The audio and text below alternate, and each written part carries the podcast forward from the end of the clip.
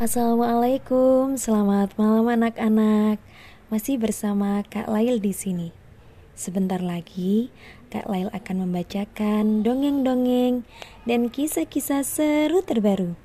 Tapi sebelum itu, yang belum gosok gigi dan berwudu, harap segera diselesaikan terlebih dahulu. Kak Lail tunggu dua menit ya.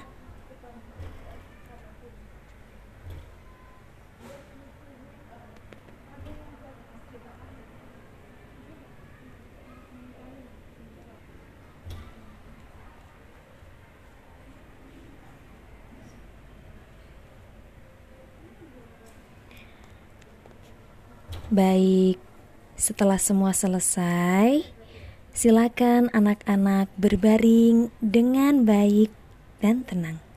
Kemudian, Kak Lail akan mulai membacakan kisah cerita yang berjudul Nabi Adam dan Siti Hawa. Adik-adik, setiap anak pasti terlahir dari seorang ayah dan ibu, bukan? Betul tidak? Kalau tidak percaya, lihatlah ke sekeliling kalian. Teman-teman kalian pasti memiliki ayah dan ibu, bukan? Jangankan manusia seperti kita, binatang seperti kelinci, domba, dan lainnya pun memiliki ayah dan ibu. Tapi, tahukah kalian Ternyata ada manusia yang lahir tanpa ayah dan ibu. Ya, mereka lahir secara ajaib atas kehendak Allah Subhanahu wa Ta'ala. Mereka tercipta melalui suatu proses yang berbeda dengan manusia sekarang ini.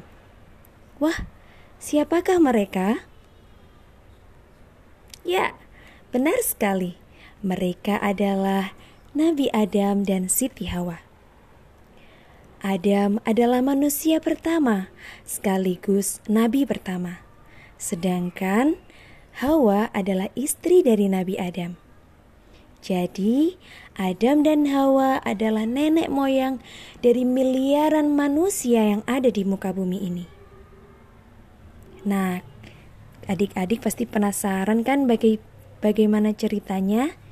Yuk, kita ikuti bagaimana asal muasal terciptanya Adam dan Hawa. Pada masanya, bumi yang kita tinggali sekarang ini tak berpenghuni sama sekali.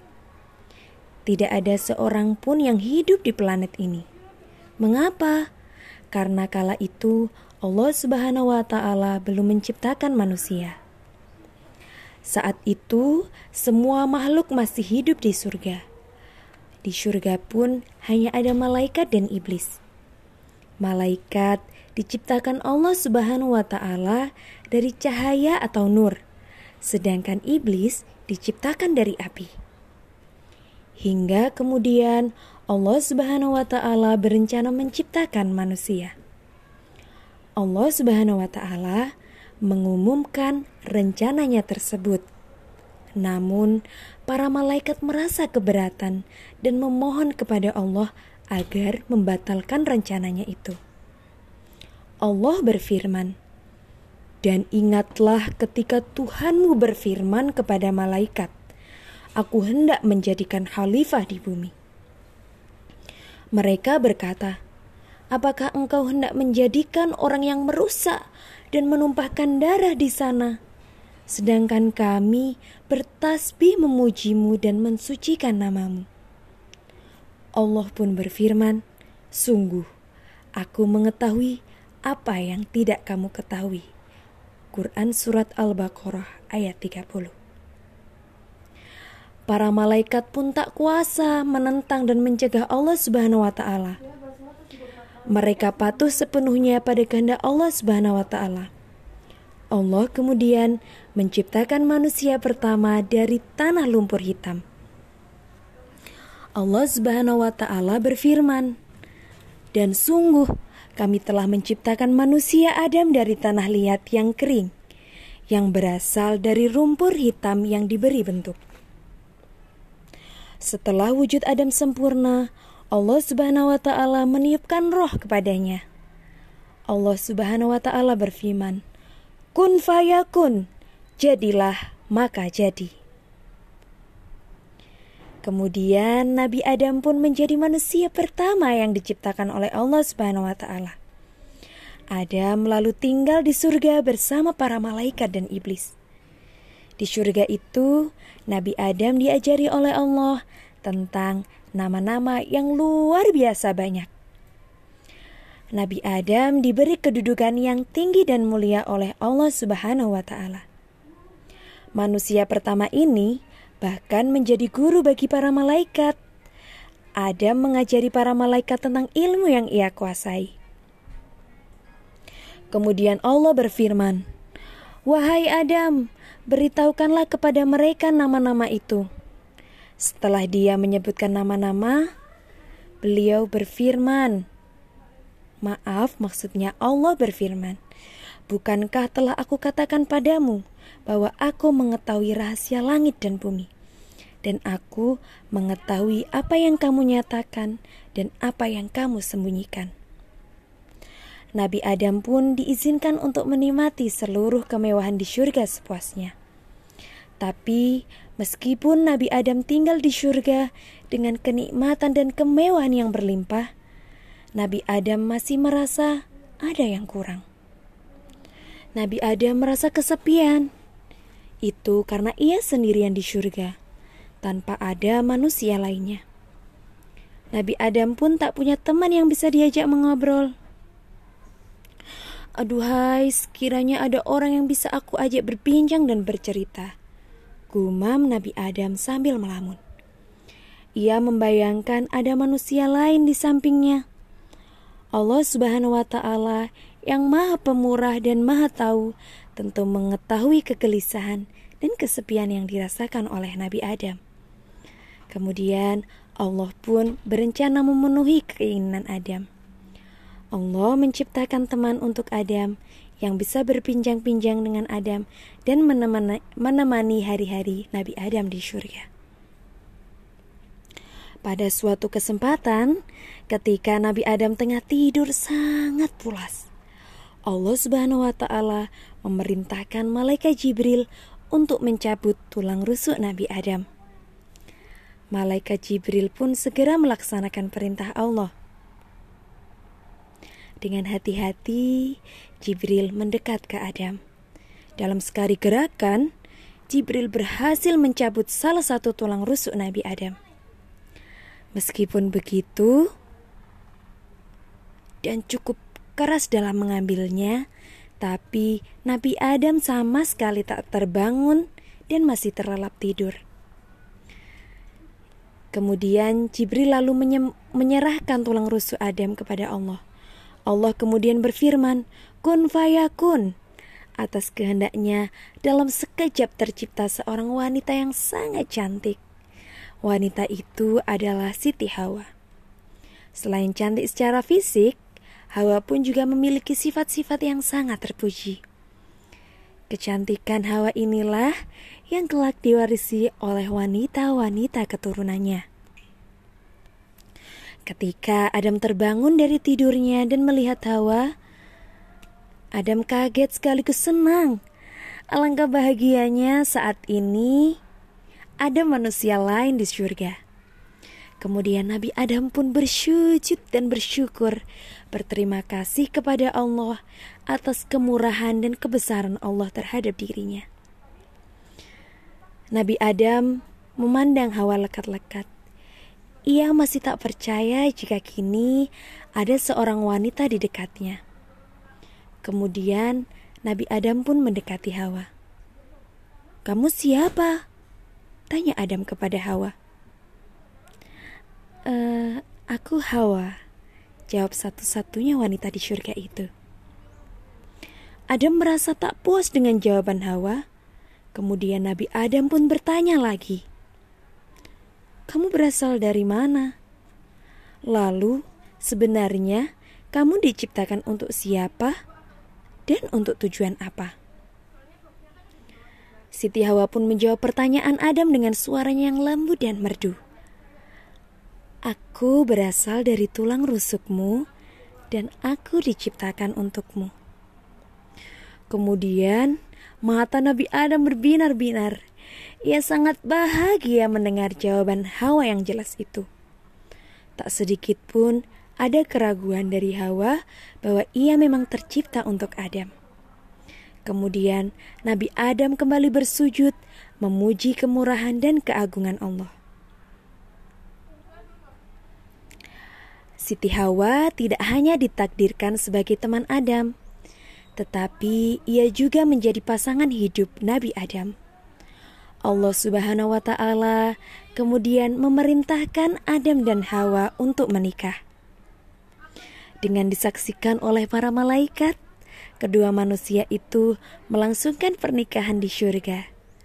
Pernikahan tersebut adalah pernikahan pertama dalam sejarah umat manusia. Dan kami berfirman, Wahai Adam, tinggallah engkau dan istrimu di dalam surga, dan makanlah dengan nikmat berbagai makanan yang ada di sana sesukamu. Tetapi janganlah kamu dekati pohon ini, nanti kamu orang termasuk orang-orang yang zalim. Setelah pelaksanaan pernikahan itu, Nabi Adam merasa sangat bahagia. Ia tak lagi kesepian. Kini ada Hawa yang selalu mendampinginya, berada di sisinya setiap waktu.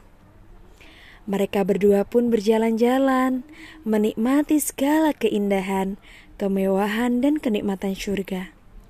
Tak lupa mereka bersyukur kepada Allah Subhanahu wa Ta'ala. Allah memang mengizinkan mereka untuk menikmati apa pun yang ada di surga, kecuali satu, yaitu buah pohon khuldi. Sebelumnya, iblis telah dikutuk oleh Allah Subhanahu wa taala karena menolak tunduk dan bersujud kepada Adam. Iblis pun bertekad untuk menghasut Adam. Aku harus bisa menjerumuskan Adam pada perbuatan dosa, perbuatan yang bisa membuat Allah murka kepadanya, pikir iblis. Iblis pun merencanakan segala tipu dayanya oleh Allah. Iblis memang diizinkan untuk menjerumuskan Adam dan anak keturunannya. Hai Adam, kemarilah. Lihatlah buah pohon ini, ucap iblis sambil menunjuk pohon khuldi yang sedang berbuah lebat dan ranum. Semua yang ada di surga ini sudah pernah kamu cicipi dan rasakan, kecuali pohon ini. Apakah kamu tidak tertarik sama sekali? Amatilah, buah ini terlihat begitu lezat, rayu iblis. Allah Allah Subhanahu wa taala melarang kami berdua memakan buah itu, jawab Adam. Jangankan menikmatinya, mendekatinya pun kami tak di, diperbolehkan. Iblis tak putus asa. Ia terus mengerahkan segala tipu dayanya untuk mengelabui Adam dan Hawa. Iblis kemudian bersumpah dengan nama Allah bahwa sebenarnya ia adalah penasihat yang baik untuk mereka berdua. Lantas, apa untungnya aku menipu kalian? Aku hanya ingin memberitahu kalian sebuah rahasia kecil. Tahukah kalian bahwa sebenarnya buah itu dapat membuat kalian tinggal abadi di surga ini? Itu jika kalian berani memakannya. Demi Allah, itulah kenyataan sebenarnya yang aku tahu, kata iblis. Mendengar iblis bersumpah dengan nama Allah, Adam dan Hawa pun akhirnya percaya mereka kemudian makan buah terlarang tersebut. Mereka tak sadar jika mereka telah ter terperangkap tipu daya iblis. iblis pun tertawa. Oh, ya Allah, ampunilah kami, kata keduanya setelah mereka sadar bahwa mereka ditipu oleh iblis. Keduanya berkata, Ya Tuhan kami, kami telah menzolimi diri kami sendiri. Dan jika engkau tidak mengampuni kami dan memberi rahmat kepada kami, niscaya pastilah kami termasuk orang-orang yang merugi. Allah mengampuni kesalahan mereka berdua, tapi Adam dan Hawa harus meninggalkan surga dan hidup di bumi. Ya, tempat yang baru dan sangat asing bagi mereka. Tapi begitulah takdir yang telah ditetapkan oleh Allah. Adam dan Hawa menjadi khalifah di muka bumi ini. Mulanya Adam dan Hawa turun berbeda tempat, tetapi kemudian mereka dipertemukan kembali Allah. Di, dipertemukan kembali oleh Allah maksudnya di sebuah padang yang bernama Padang Arafah. Dan dari keduanya lahirlah anak-anak manusia yang kini tersebar luas dan memenuhi setiap sudut dunia. Nah, hikmah dari cerita Nabi Adam dan Siti Hawa yang bisa kita ambil adalah pertama, jalankan perintah Allah dan jauhi larangannya. Allah Maha tahu apa yang terbaik untuk kita. Allah itu Maha Pencipta. Dia menciptakan sesuatu dari ketiadaan dalam sekejap. Tinggal mengucap kun fayakun, maka jadilah sesuatu, maka jadi. Kemudian, hikmah yang ketiga yang bisa kita ambil, Allah akan mengampuni setiap dosa yang dilakukan oleh seorang hambanya. Oleh karena itu, janganlah kalian berputus asa dan selalu meminta dan memohon kepada Allah agar kalian selalu dalam lindungannya. Seperti itu ya adik-adik. Jadi kalian terus semangat dan jangan berputus asa. Nah, sekian cerita Kak Lail pada malam hari ini. Semangat terus. Terima kasih anak-anak, kalian hebat hari ini. Selamat tidur dan jangan lupa berdoa. Sebelum Kak Laili akhiri dengan salam, Kakak mau memberikan info bahwa jangan lupa like, dan subscribe YouTube terbaru Kak Lail ya. Namanya Lail El Jamil. Like dan subscribe. Sekian, wassalamualaikum warahmatullahi wabarakatuh. Dadah.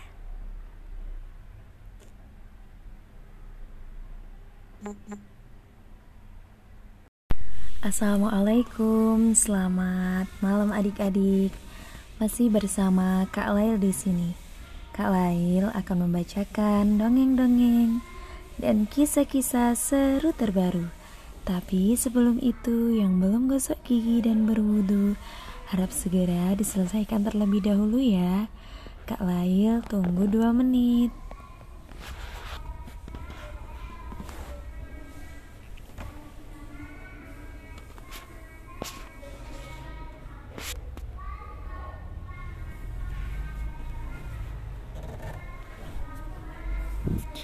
Baik, setelah semuanya selesai, silahkan anak-anak berbaring dengan baik dan tenang. Kemudian Kak Lail akan membacakan kisah yang berjudul Cerita Nabi Idris alaihi salam. Nabi Idris lahir di daerah Babilonia. Nabi Idris diutus oleh Allah untuk berdakwah di daerah Irak kuno. Dalam dakwahnya, beliau menghadapi banyak rintangan. Akan tetapi, beliau menjalaninya dengan sabar. Nabi Idris diberi kesempatan oleh Allah untuk melihat surga dan neraka. Setelah kepergiannya ini, Nabi Idris tidak kembali ke bumi. Nama asli Nabi Idris adalah Ahnuh atau Henoh Beliau dinamakan Idris karena banyak mempelajari kitab-kitab dan mushaf Adam dan Shits. Beliau dilahirkan di Babilonia. Nabi Idris adalah seorang yang sangat cerdas, pandai, dan memiliki kemampuan belajar yang tinggi. Beliau adalah manusia pertama yang menulis dengan pena dan dianugerahi berbagai kepandaian oleh Allah. Di antaranya, kepandaian naik kuda, ilmu alam, tulis menulis, dan berhitung. Ia pula yang menjadi orang pertama yang menjahit pakaian dan mengenakan pakaian yang berjahit. Selain itu, beliau menguasai berbagai macam bahasa sehingga dapat mudah berkomunikasi dengan manusia lainnya. Beliau juga pandai membuat arsitektur rumah yang sederhana dan indah, sehingga banyak orang yang menirunya dan banyak orang yang meminta bantuannya. Dalam berdakwah, Nabi Idris banyak mengalami rintangan dan hambatan, akan tetapi beliau menghadapinya dengan sabar. Di dalam Al-Quran, Nabi Idris digolongkan sebagai manusia yang sabar karena ia tidak mudah putus asa dalam menghadapi tantangan dan rintangan seberat apa pun. Meski sering mendapat celaan dan ejekan, Nabi Idris tidak putus asa untuk mengajak orang-orang menyembah Allah. Kesabarannya yang telah membuat Nabi Idris senantiasa berada dalam rahmat Allah. Meskipun memiliki sifat sabar, ia dapat bertindak dengan tegas terhadap orang kafir yang berbuat zalim. Nabi Idris dan pengikutnya sering mencapai kemenangan dalam peperangan. Ia memiliki keberanian yang hebat dan tidak takut akan kematian, sehingga memiliki gelar Asadul Asad atau singa dari segala singa.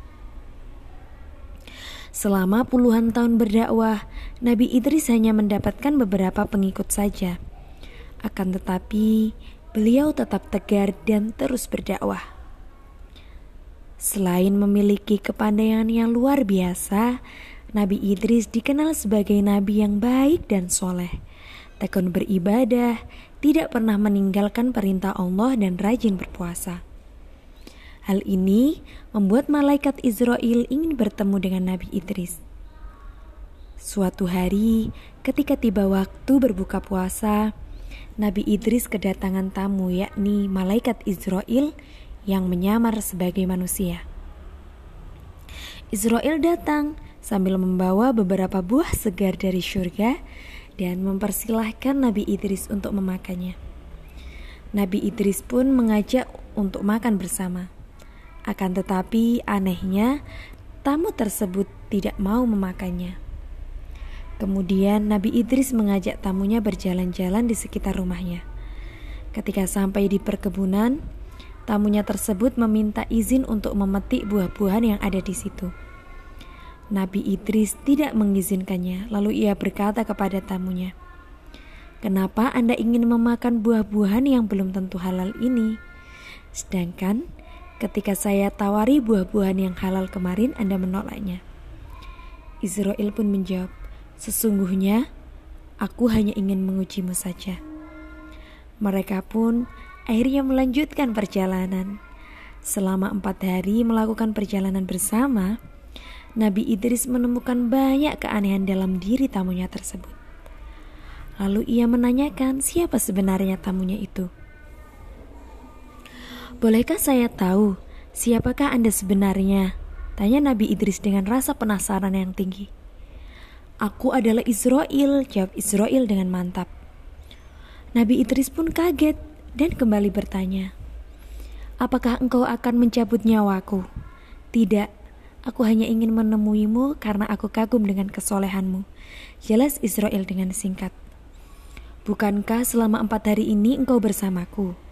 Lalu bagaimana engkau menjalankan tugasmu untuk mencabut nyawa manusia yang sudah tiba waktunya? Kembali Nabi Idris penasaran untuk bertanya. Sesungguhnya Allah telah melimpahkan kekuasaan kepadaku untuk mengumpulkan jiwa-jiwa manusia, seperti hanya dalam sebuah tempayan. Lalu, jika sudah tiba waktunya, aku cabut jiwa-jiwa itu dengan sangat mudah. Meskipun selama ini aku bersamamu, Aku tetap menjalankan tugasku tanpa sepengetahuanmu. Jelas Israel dengan tenang. Suatu pemandangan yang akan sangat sulit untuk dilupakan. Oleh karena itu, Nabi Idris pun kemudian mencoba menggunakan waktunya untuk bisa menikmati semua yang ada. Beberapa waktu kemudian, malaikat Israel mengingatkan Nabi Idris bahwa waktu yang dimilikinya telah habis. Nabi Idris harus meninggalkan surga dengan berat hati, Nabi Idris melangkahkan kakinya menuju pintu keluar bersama Israel. Ketika ia tiba di pintu keluar surga, tiba-tiba Nabi Idris berkata, Wahai Israel, aku lupa dengan sandalku yang tertinggal di dalam surga. Bolehkah aku mengambilnya? Sedangkan engkau menunggu di sini hingga aku kembali. Israel menjawab, Silahkan, aku tunggu di, pintu surga ini. Akan tetapi, setelah beberapa lama ditunggu, Nabi Idris belum muncul juga. Akhirnya Israel memutuskan untuk menyusul Nabi Idris ke dalam surga. Israel merasa heran karena ternyata Nabi Idris ditemukan sedang bersantai-santai sambil menikmati keadaan di surga. Israel pun kemudian bertanya, "Wahai Idris, mengapa engkau masih di sini? Bukankah engkau sudah menemukan sandalmu? Aku sudah menunggumu dari tadi."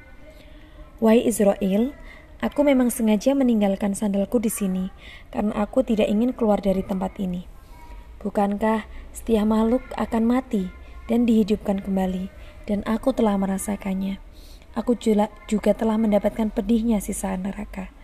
Allah telah menyatakan bahwa siapa, barang siapa yang masuk surga, ia akan kekal di dalamnya. Sekarang aku ada di dalam surga. Bagaimana mungkin aku akan keluar lagi? Jawab Nabi Idris dengan penjelasan dan alasan yang sangat masuk akal. Malaikat Israel menjadi bingung dengan perkataan Nabi Idris. Ia tidak bisa memaksa Nabi Idris untuk keluar dari surga. Oleh karena itu, ia pun kemudian datang kepada Allah dan mengadukan kejadian tersebut. Allah pun kemudian menegaskan bahwa Nabi Idris boleh tinggal di surga karena ia memang salah satu seorang penduduk surga. Nah, pesan moral dan hikmah yang bisa diambil dari cerita anak muslim kisah Nabi Idris alaihissalam adalah Pertama, sosok Nabi Idris yang soleh selalu menegakkan kebenaran agama Allah. Tidak pernah lalai dalam beribadah karena kepada Allah sehingga ia memperoleh derajat yang tinggi.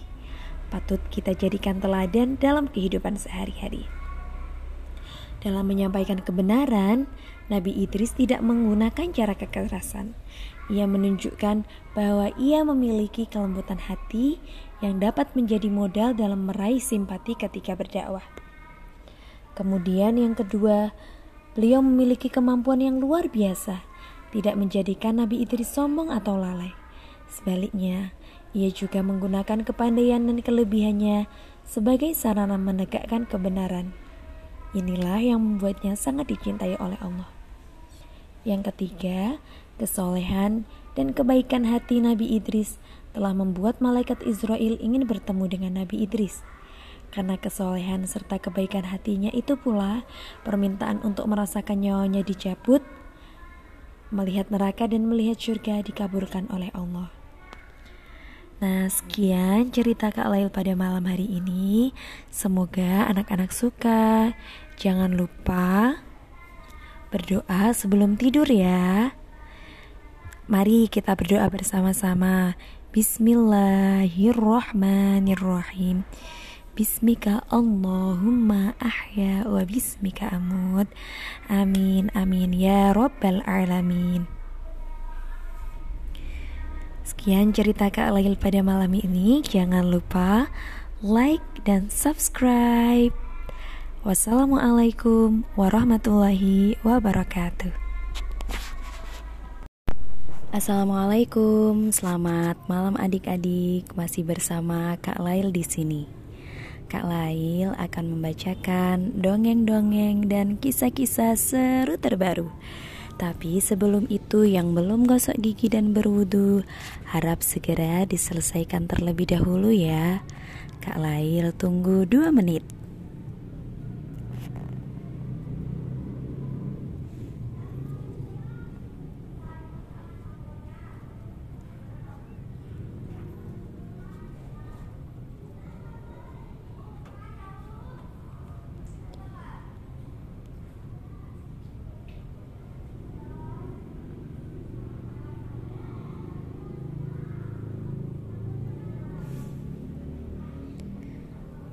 Baik, setelah semuanya selesai, silahkan anak-anak berbaring dengan baik dan tenang.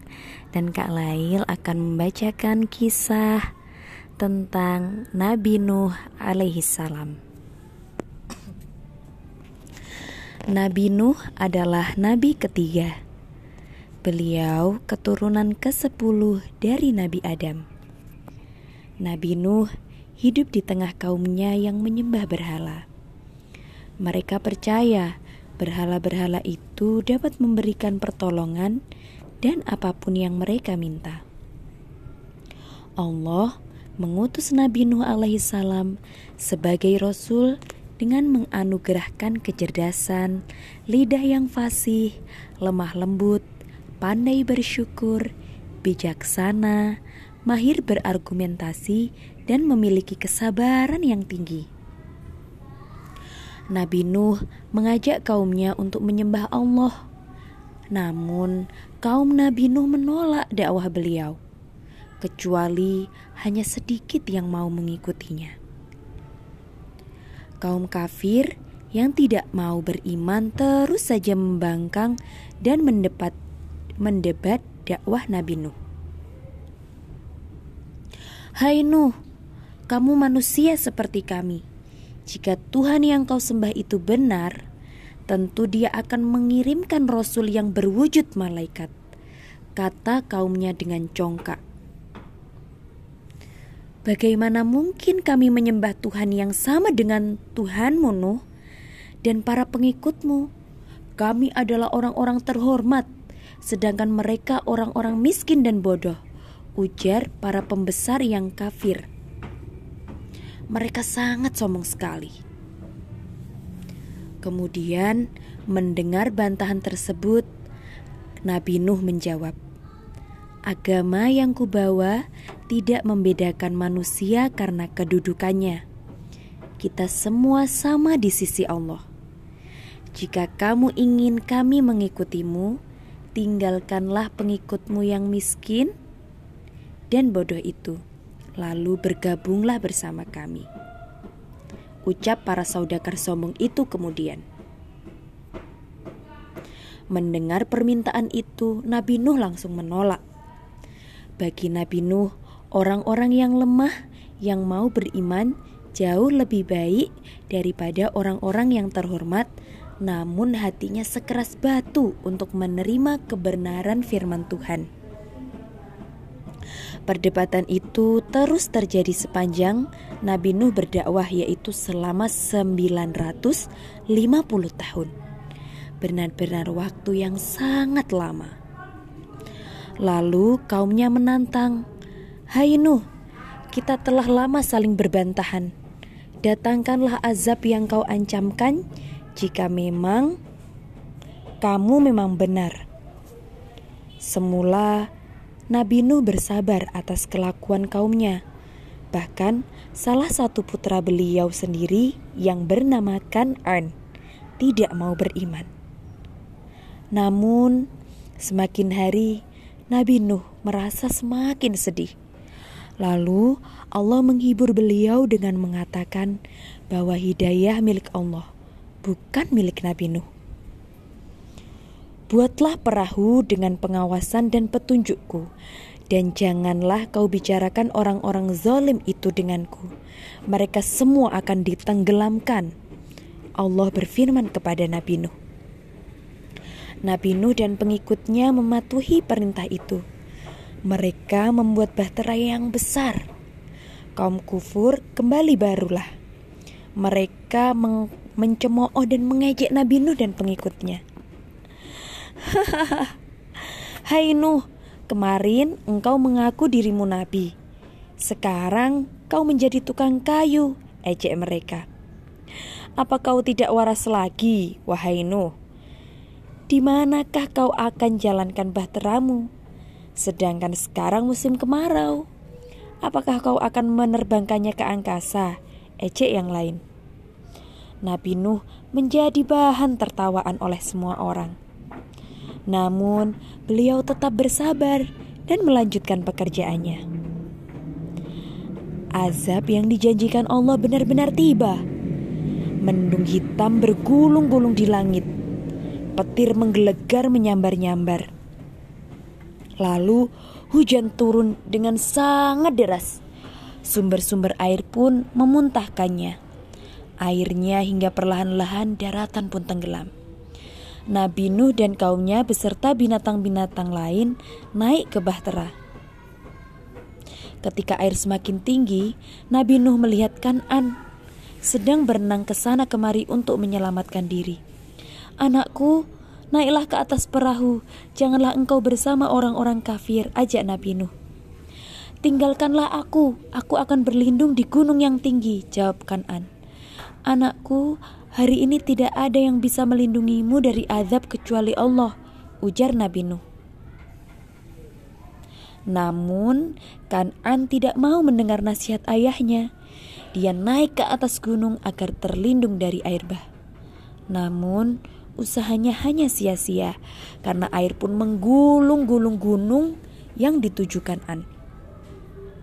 Alangkah sedih hati Nabi Nuh melihat nasib Kanan dan juga kaumnya.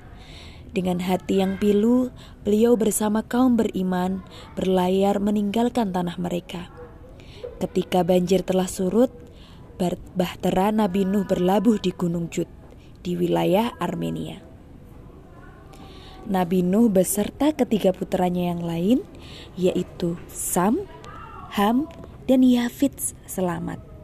Kelak, ketiganya menurunkan wanita kulit yang berbeda, yaitu kulit putih, kulit hitam, dan kecoklatan. Di tempat baru itulah Nabi Nuh beserta kaum beriman turun dan membangun kehidupan yang baru. Jika ingin mendapatkan cerita Nabi Nuh alaihissalam secara lengkap, dengarkan terus dan tunggu uploadan terbaru dari Kak Lail ya. Sekian cerita tentang kisah Nabi Nuh alaihissalam. Semoga anak-anak suka. Terima kasih anak-anak. Kalian hebat hari ini. Semangat mengaji dan sekolah esok hari. Selamat tidur, jangan lupa berdoa. Wassalamualaikum warahmatullahi wabarakatuh. Like dan subscribe ya. Assalamualaikum, selamat malam adik-adik. Masih bersama Kak Lail di sini. Kak Lail akan membacakan dongeng-dongeng dan kisah-kisah seru terbaru. Tapi sebelum itu, yang belum gosok gigi dan berwudu, harap segera diselesaikan terlebih dahulu ya. Kak Lail, tunggu dua menit.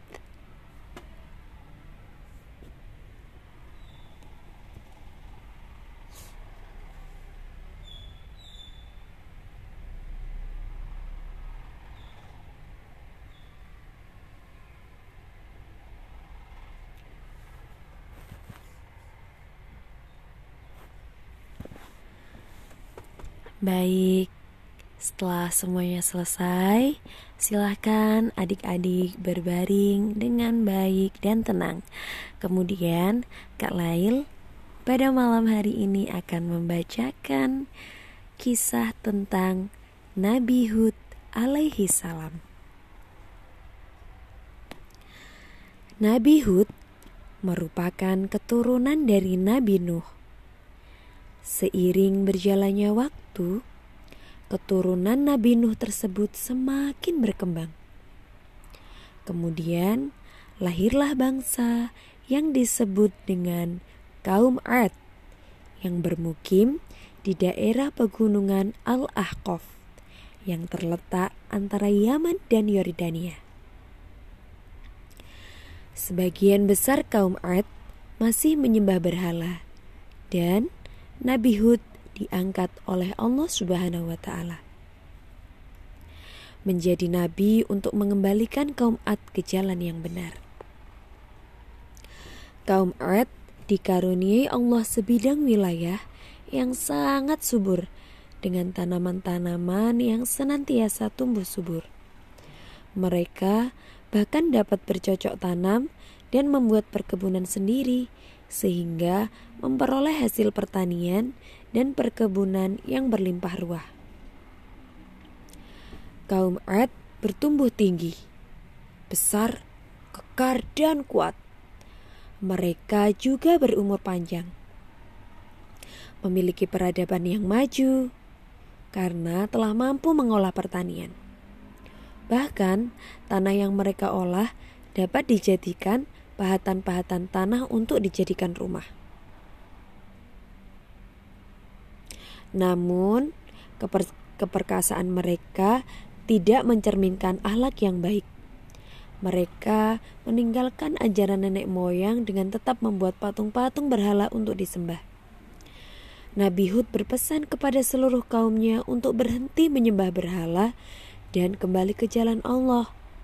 Selain itu, beliau juga meminta supaya mereka tidak hidup dalam keserakahan atas karunia yang Allah telah berikan. Seorang yang beramal soleh terkadang memang lebih sering dipandang sebelah mata. Mereka dianggap berlebihan atau berdusta. Itu pula yang terjadi pada Nabi Hud alaihissalam. Bukan saja perkataannya tidak dihiraukan, tetapi juga dituduh sebagai pendusta. Berulang kali Nabi Hud mencoba untuk berdakwah, namun berkali-kali pula mereka menolaknya. Bahkan mereka semakin berani hingga menentang beliau dengan adab yang pernah dikatakannya saat menyampaikan dakwah. Nabi Hud menyatakan bahwa Allah Subhanahu wa taala akan murka kepada siapa saja yang menyekutukannya. Kaum Ad menjadi bosan dengan seruan Nabi Hud. Mereka meminta agar Subhanallah agar Allah menunjukkan azab yang sering beliau katakan. Baiklah jika demikian, ujar Nabi Hud. Sesungguhnya aku bersaksi kepada Allah Subhanahu wa taala dan akan disaksikan olehmu sekalian bahwa kalian tidak akan dapat membuat mudorot kepadanya sedikit pun. Nabi Hud terus berdakwah kepada kaumnya untuk segera memohon ampun dan bertaubat. Namun, lagi-lagi kaum Ad tidak mau mengikutinya. Allah memerintahkan supaya Nabi Hud meninggalkan daerah Al-Ahqaf tersebut bersama para kaum pengikutnya. Allah akan segera mendatangkan azabnya bagi kaum Ad. Pada suatu ketika, wilayah kaum Ad dilanda kemarau yang sangat panjang. Selama beberapa tahun, hujan tidak turun, mengakibatkan kekeringan dan kelaparan di mana-mana. Daerah Al-Ahqaf dilanda kemarau panjang yang sangat lama, sehingga juga banyak hewan-hewan dan tumbuhan-tumbuhan yang mati akibat kekurangan air. Sekeras apa pun Nabi Hud memeringatkan, kaum Ad tetap saja berpegang teguh dan menyembah patung berhala. Na'udzubillah, thumma na'udzubillah. Kemudian langit menjadi gelap dan sayup-sayup terdengar angin bertiup kencang. Udara terasa dingin. Lihat, azab itu nyata, berupa akan turunnya hujan. Kaum Ad begitu senang menyambut hujan yang mereka kira akan segera turun itu karena dapat membasahi kembali tanah dan lahan mereka yang selama ini kekeringan.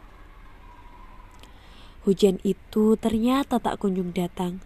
Justru angin yang dari awal bertiup menjadi semakin kencang hingga tujuh hari lamanya.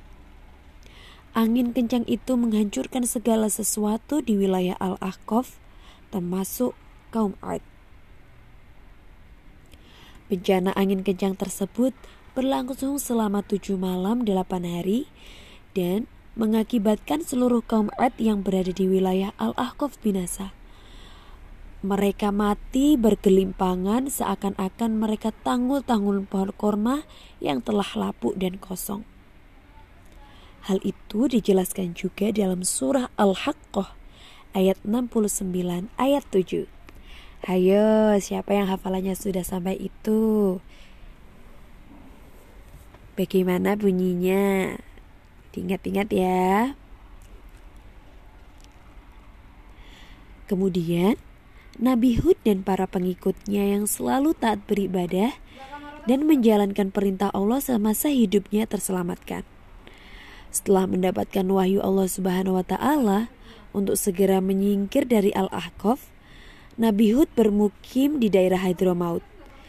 Beliau hidup tenang dan damai di sana bersama para pengikutnya itu hingga wafat pada usia tahun.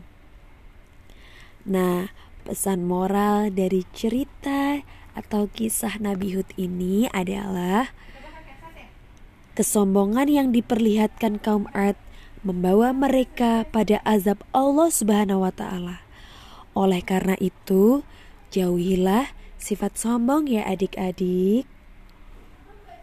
Sekian cerita Kak Lail pada malam hari ini. Semoga kalian suka. Terima kasih. Kalian terima kasih anak-anak. Kalian hebat hari ini. Semangat mengaji dan semangat sekolah esok hari. Sekian dari Kak Lail. Jangan lupa like dan subscribe. Wassalamualaikum warahmatullahi wabarakatuh. Assalamualaikum, selamat malam adik-adik. Masih bersama Kak Lail di sini. Kak Lail akan menceritakan dongeng-dongeng dan kisah-kisah seru terbaru.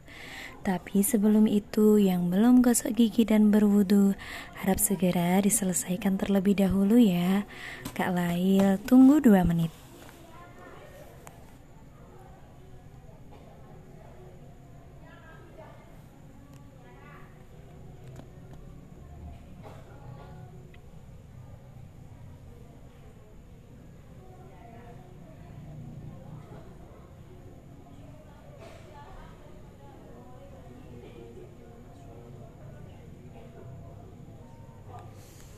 Baik, setelah semuanya selesai, silahkan adik-adik berbaring dengan baik dan tenang. Kemudian, Kak Lail akan menceritakan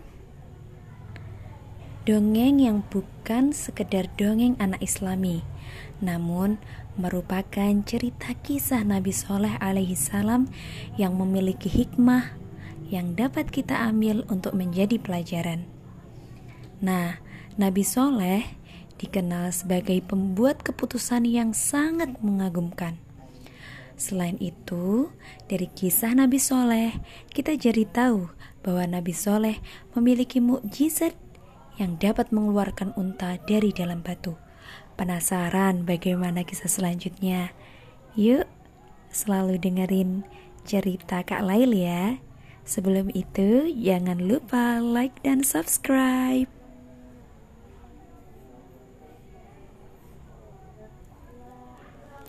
Kisah Nabi Soleh alaihi salam Nabi Soleh diutus untuk menyampaikan ajaran Allah kepada kaum Samud. Kaum Samud berada di Al-Hijr atau kata lain di Madain Soleh. Setelah azab Allah turun di daerah tersebut, Nabi Nuh dan, dan kaumnya melakukan perjalanan ke Ramallah atau sekitar daerah Palestina. Beliau terus berdakwah hingga wafatnya di Mekah. Kaum Samud memiliki banyak keahlian, di antaranya terampil bercocok tanam, beternak, dan arsitektur.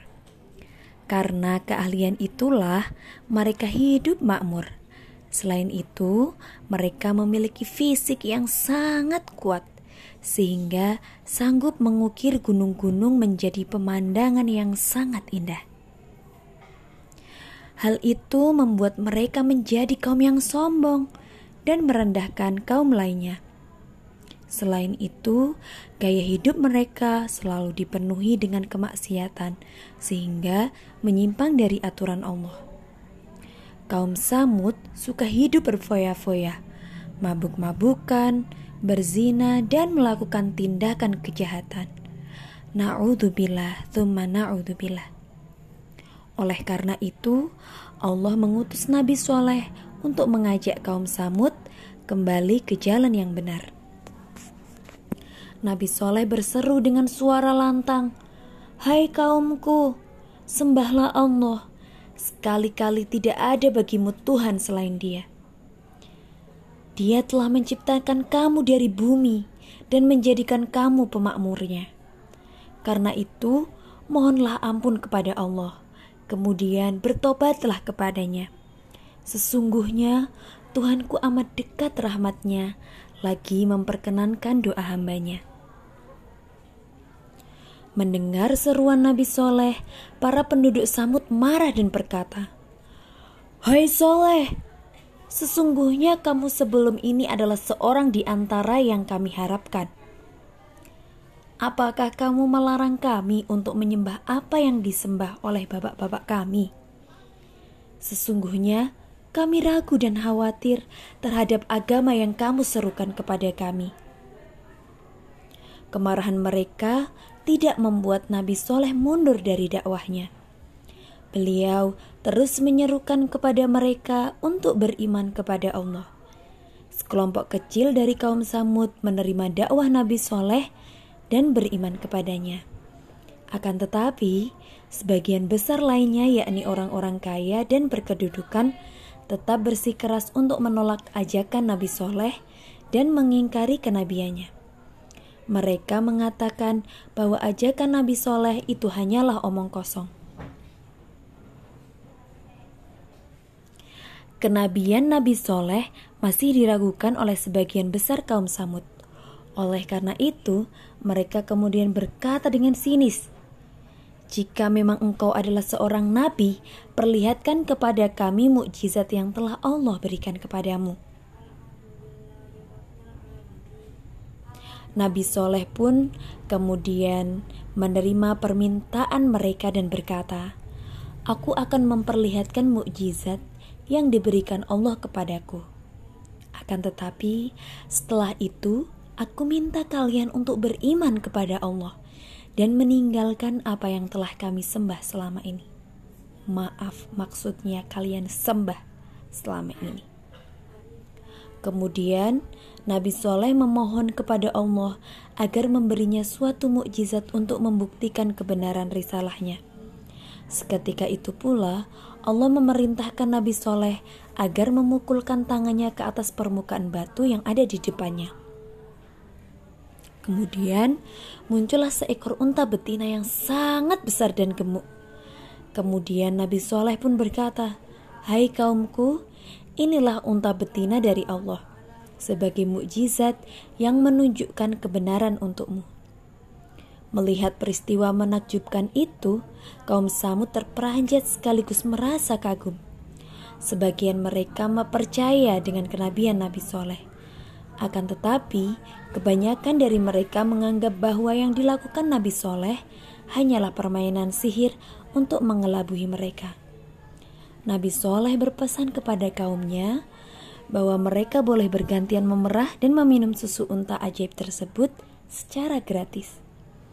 Nabi Soleh juga berpesan agar merawat unta tersebut dan tidak memang, memanggal, memanggalnya atau membunuh unta betina tersebut. Jika mereka memanggalnya, azab Allah akan datang menimpa mereka. Keberadaan unta tersebut di satu sisi telah memberikan berkah bagi kaum penduduk Samud, karena mereka bisa mendapatkan air susu tanpa kekurangan sedikit pun. Air susu itu begitu sangat melimpah sehingga mampu mencukupi semua kebutuhan penduduk negeri tersebut. Akan tetapi, masalah muncul ketika unta tersebut meminum banyak air di sumber air penduduk Samud. Banyak ternak mereka yang kekurangan air. Beberapa orang, terutama yang memiliki kedudukan, semakin ketakutan dengan pengaruh yang dimiliki Nabi Soleh. Karena itu, mereka kemudian mencoba untuk melakukan sebuah rencana jahat.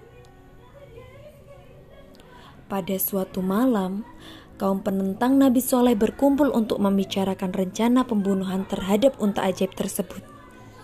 Seorang janda bangsawan yang kaya raya menawarkan akan menyerahkan dirinya kepada siapa saja yang dapat membunuh unta ajaib itu.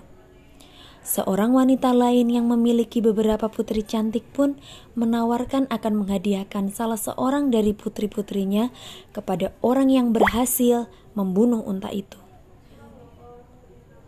Dua hadiah tersebut telah membuat kaum Samud terpikat.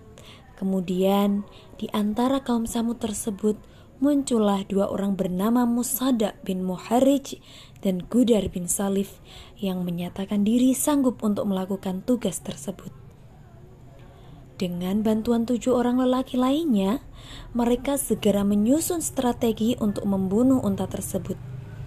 Mereka bersembunyi sambil mengawasi unta yang sedang menuju tempat minumnya. Dengan cepat, Musada memanah betis unta tersebut. Kemudian disusul oleh Gudar yang menikam pedangnya di perut unta itu. Unta tersebut terhuyung jatuh dan mati bersimbah darah. Peristiwa pembunuhan unta tersebut membuat Nabi Soleh merasa sedih sekaligus marah. Nabi Soleh memberitahukan kaumnya bahwa azab Allah akan segera datang tiga hari lagi. Lebih lanjut, Nabi Soleh menjelaskan bahwa datangnya azab tersebut akan didahului dengan tanda-tanda. Pada hari pertama, jika ada yang terbangun dari tidurnya, mereka akan menemui wajah mereka menjadi kuning. Pada hari kedua, wajah mereka berubah menjadi merah. Dan pada hari ketiga, wajah mereka akan menjadi hitam. Kemudian, pada hari keempat, turunlah azab Allah yang pedih. Mendengar ancaman tersebut, orang-orang yang membunuh unta tersebut bersekongkol untuk membunuh Nabi Soleh. Pada suatu malam, ketika mereka hendak melaksanakan rencana pembunuhan tersebut, tiba-tiba batu-batu besar yang tidak diketahui dari arah mana datang menimpa kepala mereka. Seketika itu pula mereka semua mati. Oleh karena itu, selamatlah Nabi Soleh. Sebelum hari turunnya azab yang telah ditentukan itu, dengan izin Allah, berangkatlah Nabi Soleh bersama para pengikutnya meninggalkan daerah tersebut. Sepeninggal Nabi Soleh dan pengikutnya, muncul sebuah petir yang menggelegar dan gempa bumi yang sangat dahsyat datang menyusul. Kaum Samud menjadi panik. Mereka berlarian mencari tempat untuk, untuk menyelamatkan diri. Akan tetapi, usaha mereka sia-sia. Akhirnya, mereka semua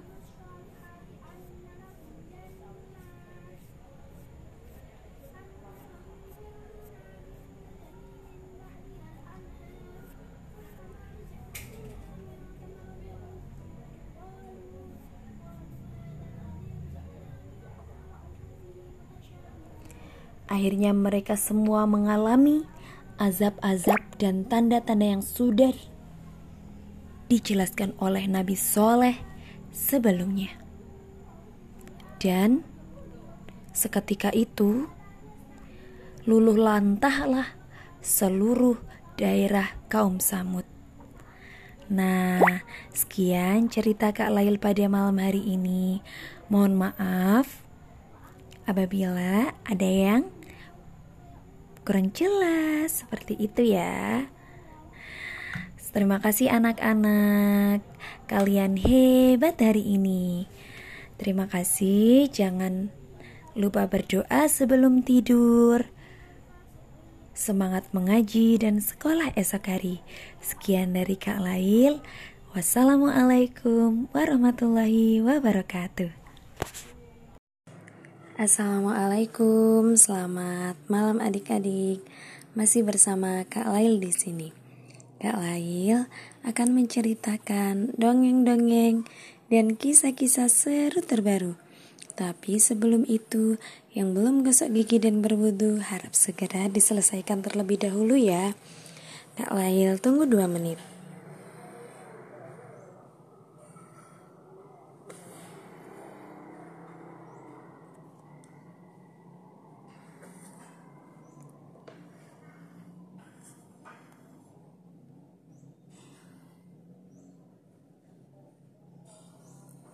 Baik, setelah semua selesai, silakan anak-anak berbaring dengan baik dan tenang. Kemudian, Kak Lail akan menceritakan tentang kisah Nabi Ibrahim alaihissalam. Kisah Nabi Ibrahim alaihissalam berawal saat dia dilahirkan di sebuah kerajaan yang dipimpin oleh Raja Namrud. Dia adalah raja yang zalim, yang sangat angkuh dan egois. Salah satu peraturan yang meresahkan masyarakatnya adalah membunuh bayi laki-laki agar tidak ada lagi penggantinya sebagai raja. agar tidak ketahuan, maka ibunda Nabi Ibrahim alaihissalam mengasingkannya ke hutan. Atas kuasa Allah Subhanahu wa taala, Nabi Ibrahim tumbuh menjadi anak yang cerdas dan tangguh hingga selalu selamat dari berbagai macam bahaya. Hingga suatu ketika dia dapat kembali ke masyarakat. Ketika Nabi Ibrahim alaihissalam telah kembali, dia begitu bingung karena banyak yang menyembah patung berhala. Hampir di sepanjang perjalanan ke rumah, dia melihat patung. Sesampainya di rumahnya, benda itu juga masih ditemukan, dan ternyata ayahnya bekerja sebagai pembuat patung. Nabi Ibrahim alaihissalam merasa bingung terhadap apa yang dilakukan oleh ayah dan masyarakatnya. Hingga kemudian ia memutuskan untuk menyendiri di gunung. Dalam usia sekecil itu, dia pun bertanya-tanya kepada dirinya dan rasa ingin tahunya sangat besar. Di manakah Tuhan itu? Manakah yang dinamakan Tuhan? Kemudian Allah memberikan mukjizat kepadanya, yaitu sebuah pemikiran yang cerdas dan kritis. Allah Subhanahu wa taala mengutusnya sebagai penyampai keberadaannya. Selama ini, kelak masyarakat meninggalkan berhala yang tidak penting dan terus bertakwa kepada Allah. Dengan kecerdasannya, dia menjalankan taktik untuk menyadarkan Raja Namrud dan pengikutnya. Kemudian, Nabi Ibrahim pun menjalankan aksinya dengan menghancurkan semua berhala-berhala, terkecuali berhala yang paling besar. Saat Raja Namrud kembali dari luar kota, dia sangat marah besar. Dia mencari orang yang merusak berhala-berhalanya. Nah, salah satu pengikutnya memberitahu bahwa Nabi Ibrahimlah yang melakukannya. Dengan penuh rasa marah, dia meminta Nabi Ibrahim untuk menghadapnya. Raja Namrud berkata, "Wahai Ibrahim, bukankah engkau yang telah menghancurkan berhala-berhala ini?" Nabi Ibrahim pun menjawab, "Bukan." Raja Namrud lalu menjawab, "Lalu siapa lagi kalau bukan kau? Karena kau berada di sini saat kami pergi dan engkau sangat membenci berhala-berhala ini." Nabi Ibrahim menjawab, "Ya, tapi bukan aku yang menghancurkan berhala-berhala itu. Aku pikir berhala besar itulah yang menghancurkannya. Bukankah kampaknya berada di lehernya?" Raja Namrud menjawab, "Mana mungkin patung berhala dapat berbuat semacam itu?" Mendengar hal itu, dengan tegas Nabi Ibrahim pun menjawab, "Kalau begitu, kenapa engkau menyembah berhala yang tidak dapat berbuat apa-apa?" Begitu pintar dan cerdiknya Nabi Ibrahim menjawab segala pertanyaan dari Raja Namrud tersebut. Hingga akhirnya banyak masyarakat yang tersadar bahwa Tuhan yang selama ini mereka sembah tidak dapat bergerak, melihat, dan hanya bisa diam. Kemudian kisah Nabi Ibrahim berlanjut saat istrinya Hajar dan bayi kecil mereka Ismail melakukan perjalanan selama berhari-hari. Kemudian mereka berhenti di tempat yang tidak memiliki air tumbuhan, atau kehidupan manusia. Satu-satunya hal yang bisa dilihat adalah bukit dan pasir. Nabi Ibrahim membantu istri dan anaknya turun, dan kemudian meninggalkan mereka dengan sedikit makanan dan air minuman. Saat dia naik kembali ke atas untanya, Hajar sangat terkejut dan bertanya kepadanya, "Mau ke mana Nabi Ibrahim? Meninggalkan kami di lembah tandus ini." Nabi Ibrahim tidak menjawabnya. Hajar khawatir hal buruk akan menimpa mereka, terutama bayinya yang bisa mati kelaparan dan kehausan. Kemudian Siti Hajar bertanya lagi, "Apakah Allah memerintahkanmu untuk melakukannya?" "Ya," jawab Nabi Ibrahim. Karena Hajar adalah istri yang taat dan memiliki iman yang kuat, dia berkata, "Jika ini adalah perintah Allah, maka dia tidak akan meninggalkan kita, meski Nabi Ibrahim sangat mengkhawatirkan keluarganya. Dia tahu Allah Subhanahu wa taala sedang mengujinya dan Allah Subhanahu wa taala pasti menjaga keluarganya. Nabi Ibrahim pun berdoa, "Ya Tuhan kami, sesungguhnya aku telah menempatkan kebahagiaanku, keturunanku di lembah yang tidak mempunyai tanaman-tanaman di dekat rumah Engkau atau Baitullah yang dihormati. Ya Tuhan kami, agar mereka menghadirkan mendirikan sholat, maka jadikanlah hati kami sebagian manusia cenderung kepada mereka dan beri rizkilah mereka dari buah-buahan. Mudah-mudahan mereka merasa bersyukur. Arti dari Quran Surat Ibrahim ayat 37 Kemudian setelah air dan makanan habis, Hajar dan bayinya kelaparan dan kehausan. Bayi Ismail mulai menangis dengan sedih dan air mata Hajar pun kembali mengalir.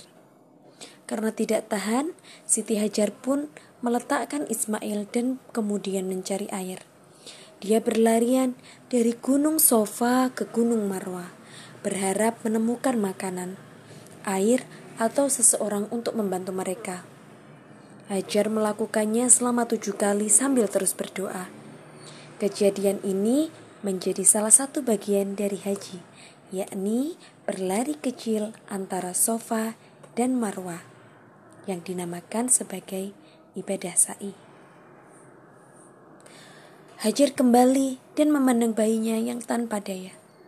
Kemudian dia menangis terseduh dan berdoa kepada Allah dengan sepenuh hati agar Allah segera membantu mereka. Kemudian tiba-tiba keajaiban terjadi. Siti Hajar melihat air jernih keluar dari tanah yang kering di dekat kaki bayinya. Allah Subhanahu wa taala telah menanggapi tangisannya dengan cepat. Dia menuang, menuangkan air tersebut ke mulut Ismail dan kemudian meminumnya juga. Inilah yang menjadi kisah hadirnya air zam-zam yang masih mengalir tanpa mengering hingga kini. Kisah ketat Kisah ketaatan Nabi Ibrahim dan keluarganya berlanjut ketika dia bermimpi aneh. Saat Nabi Ismail masih muda, dia bermimpi bahwa dia mengorbankan putra satu-satunya yang amat ia cintai. Namun, Nabi Ibrahim tahu bahwa mimpinya merupakan perintah Allah Subhanahu wa taala. Dan ia akan menaati perintah itu. Ini adalah pengorbanan yang sangat besar hanya seorang nabi besar seperti Nabi Ibrahim yang mampu melakukan tugas ini. Sebagai bukti cinta sejatinya kepada penciptanya, Nabi Ibrahim kemudian memberitahu Ismail tentang mimpi itu dengan rasa pilu. Kemudian Nabi Ismail berkata, Wahai ayahku, lakukan apa yang diperintahkan jika Allah mengendaki. Kemudian Ismail melepas pakaiannya dan meminum air. Khawatir akan kesulitan, Nabi Ismail meminta ayahnya untuk mengikat tangan dan kakinya. Nabi Ibrahim kemudian memejamkan mata, menajamkan mata pisaunya agar kematiannya cepat dan rasa sakitnya berkurang. Dengan berat hati, ia mengangkat pisaunya dan membawa ke tenggorokan Ismail. Tetapi pisaunya tidak mau memotong. Ismail mendesak ayahnya untuk menekan lebih keras namun tetap saja tidak terpotong. Nabi Ibrahim kemudian meminta pengampunan atas kelemahannya. Dan Allah Subhanahu wa taala menjawab permohonannya. Wahai Ibrahim, kamu telah memenuhi mimpinya, maka kami memberi pahala yang taat. Setelah itu, muncullah seekor domba jantan besar menggantikan Nabi Ismail. Pisau itu nyatanya tidak dapat memotong nyatanya dapat memotong tenggorokan domba itu dengan salah satu gerakan cepat. Nah, inilah yang menjadi kisah Nabi Ibrahim yang menjadi dasar adanya Hari Raya Kurban atau Idul Adha. Keutamaan dalam kisah Nabi Ibrahim Sejak lahir hingga akhir ayatnya, kisah Nabi Ibrahim menjadi wujud ketaatan dan ketauhidan yang sangat luar biasa ini bisa menjadi potret ideal bagi pendidikan dalam keluarga. Ada beberapa keutamaan yang bisa kita dapatkan dalam kisah Nabi Ibrahim. Yang pertama adalah nilai akidah. Allah Subhanahu wa taala tidak akan meninggalkan dan akan selalu mengawasi makhluknya. Allah akan memberikan petunjuk kepada makhluknya dan Allah Subhanahu wa taala tidak sederajat dengan makhluknya. Kemudian, nilai yang kedua yang bisa kita pelajari adalah nilai moral. Akhlak kepada Allah atau hablum minallah. Jika Allah memberi petunjuk dan menjawab doa hambanya, maka kewajiban manusia adalah untuk menerima dan mematuhinya. Yang ketiga adalah nilai edukasi. Ahlak yang ditampilkan dalam kisah Nabi Ibrahim alaihissalam adalah ahlak yang luhur, baik dalam menghadapi ayahnya atau umatnya yang kafir. Nabi Ibrahim mengajak manusia berdialog menggunakan logika dan gaya yang berbicara yang baik dalam menyampaikan dalam menyampaikan kebenaran adik-adik. Selain itu, dalam kisah Nabi Ibrahim juga ditemukan sosok nabi, pemimpin, ayah, dan suami yang luar biasa. Seperti itu. Nah, Nabi Ibrahim adalah sosok nabi yang bisa kita contoh dan kita ambil keteladanannya. Nah, sekian kisah Kak Lail pada malam hari ini. Semoga anak-anak suka ya. Terima kasih anak-anak. Kalian hebat hari ini. Sekian semangat mengaji dan sekolah esok hari. Wassalamualaikum warahmatullahi wabarakatuh.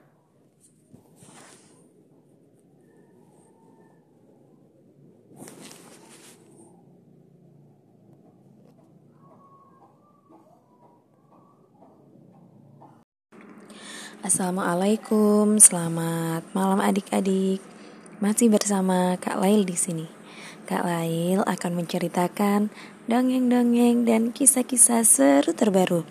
Tapi sebelum itu, yang belum gosok gigi dan berwudu harus segera diselesaikan terlebih dahulu ya. Kak Lail tunggu 2 menit.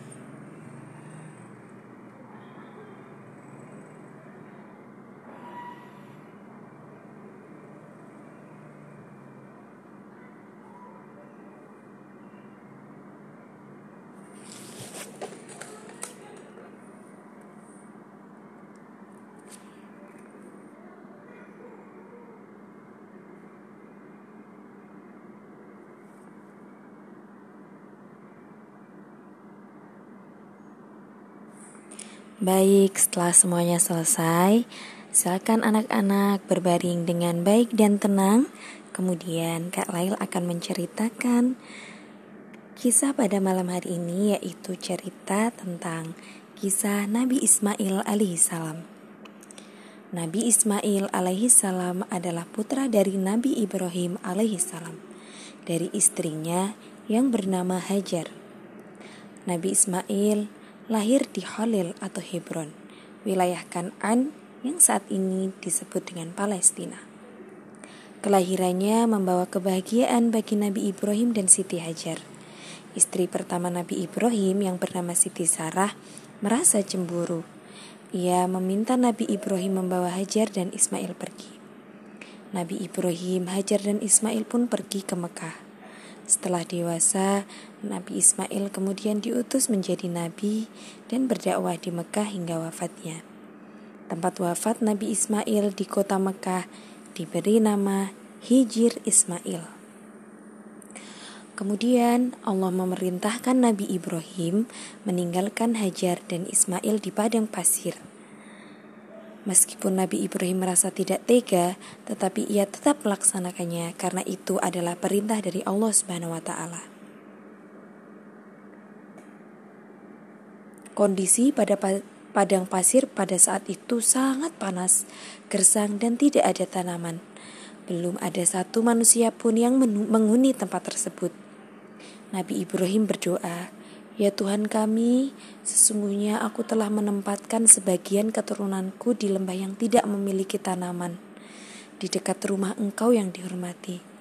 Ya Tuhan kami, yang demikian itu agar mereka mendirikan sholat, maka jadikanlah hati sebagian manusia cenderung kepada mereka dan berilah mereka rezeki dari buah-buahan. Mudah-mudahan mereka bersyukur.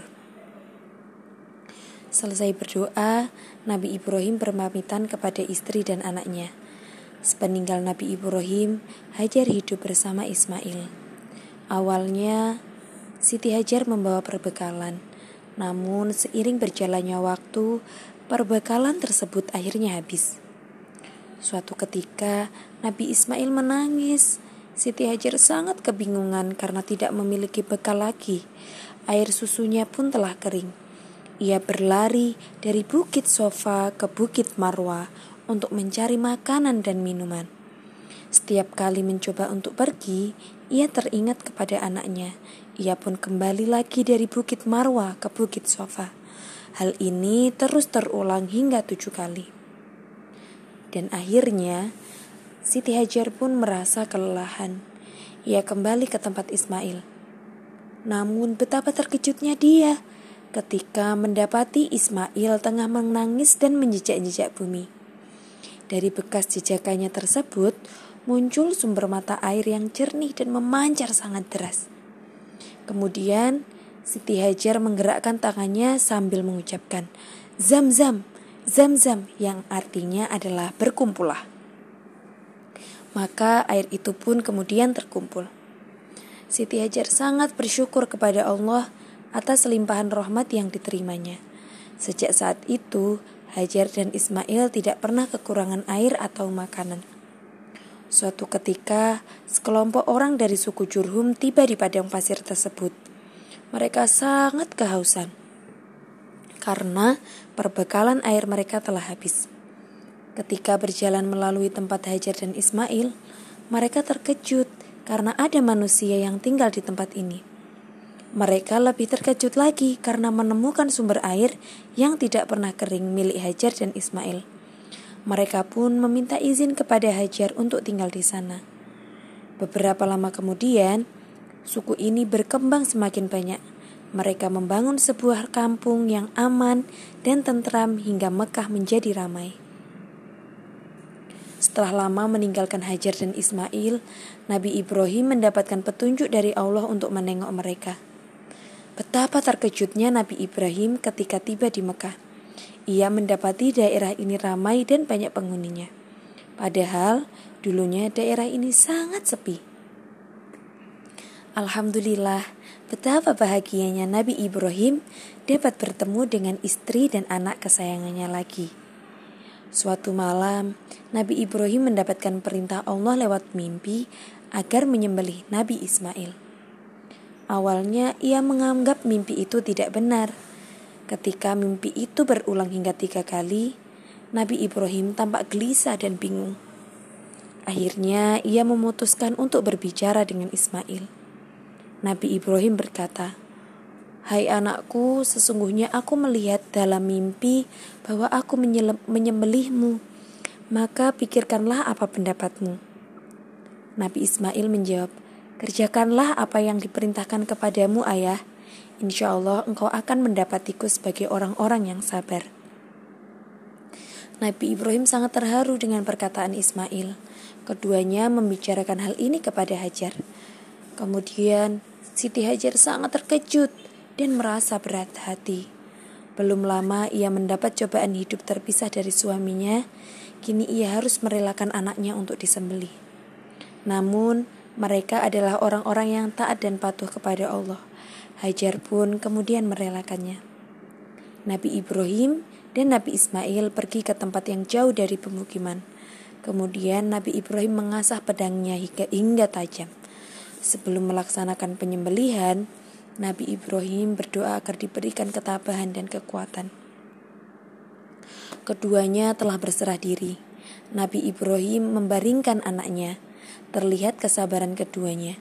Allah berfirman, "Hai Ibrahim, sesungguhnya kamu telah membenarkan mimpi itu. Demikianlah kami memberi balasan kepada orang-orang yang berbuat baik. Sesungguhnya ini benar-benar suatu ujian yang nyata." Kami tebus anak itu dengan seekor sembelian yang besar. Ismail pun tidak terlukai. Nah, sejak peristiwa itu, umat Islam dianjurkan untuk berkurban setiap hari raya Idul Adha. Yang sebentar lagi akan kita laksanakan juga adik-adik. Kemudian Ismail tumbuh menjadi anak yang soleh dan sehat. Ia selalu mendampingi ayahnya dalam berdakwah. Suatu ketika, Nabi Ibrahim dan Ismail mendapat petunjuk dari Allah agar membangun Ka'bah. Selama berhari-hari mereka membangun Ka'bah. Setelah selesai, mereka berdoa, "Ya Allah, Tuhan kami, terimalah amalan kami. Sesungguhnya Engkaulah yang Maha Mendengar lagi Maha Mengetahui." Ya Tuhan kami, jadikanlah kami berdua sebagai orang yang tunduk patuh kepada Engkau, dan jadikanlah di antara anak cucu kami umat yang tunduk patuh kepada Engkau dan tunjukkanlah kepada kami cara-cara dan tempat-tempat ibadah haji kami, dan terimalah taubat kami. Sesungguhnya Engkaulah yang maha penerima taubat lagi maha penyayang. Kemudian Allah menyuruh keduanya untuk menyeru kepada manusia agar melaksanakan haji ke Mekah. Allah berfirman, dan berserulah kepada manusia untuk mengerjakan haji. Niscaya mereka ada, akan datang kepadamu dengan berjalan kaki dan mengendarai unta yang kurus yang datang dari segenap penjuru yang jauh, supaya menyaksikan berbagai manfaat bagi mereka dan supaya mereka menyebut nama Allah pada hari yang telah ditentukan atas rezeki Allah yang telah Allah berikan kepada mereka berupa binatang ternak maka makanlah sebagian daripadanya dan berikanlah untuk dimakan orang-orang yang sesara dan orang kafir. Sejak saat itu, manusia di penjuru dunia melaksanakan ibadah haji. Setelah sekian lama mengikuti dakwah ayahnya, kemudian Ismail diangkat menjadi seorang nabi. Nabi Ismail layak menjadi seorang nabi. Ia memiliki sifat yang sangat mulia Hal ini dijelaskan oleh Allah dalam firman-Nya yang berbunyi, dan ceritakanlah kisah Ismail di dalam Al-Quran. Sesungguhnya ia adalah seorang yang benar janjinya dan dia adalah seorang rasul dan nabi. Nabi Ismail diutus Allah untuk berjuang di jalan Allah dan menyebarkan kebaikan kepada manusia yang lainnya. Selain itu, kepribadiannya juga mencerminkan anak yang soleh Hal ini terlihat dari sifatnya yang taat dan patuh kepada Allah dan kedua orang tuanya, serta sikap bijaksananya ketika menanggapi mimpi ayahnya. Nah, pesan dan hikmah yang bisa diambil dari cerita kisah Nabi Ismail alaihissalam adalah Pertama, keluarga Nabi Ibrahim layak dijadikan teladan karena ketaatan dan kepatuhannya menjalankan perintah Allah mereka sukses melewati beberapa ujian. Kemudian yang kedua adik-adik, ketaatan dan kepatuhan Nabi Ismail terhadap perintah Allah dan orang tuanya mencerminkan kepribadian anak yang soleh yang patut dijadikan teladan. Yang ketiga, ketinggian budi pekerti yang dimiliki Nabi Ismail menjadikannya dicintai oleh Allah dan mendapatkan banyak keistimewaan darinya di antaranya sehingga ia diangkat menjadi nabi. Keempat, yaitu perintah penyembelihan Nabi Ismail mengandung hikmah bahwa Allah mengajarkan tentang berkorban agar manusia senantiasa saling peduli dengan yang lainnya. Sekian adik-adik cerita pada malam hari ini. Semoga kalian suka ya. Jangan lupa like dan subscribe. Terima kasih juga adik-adik kalian hebat hari ini. Sekian semangat mengaji dan sekolah untuk esok hari. Wassalamualaikum warahmatullahi wabarakatuh.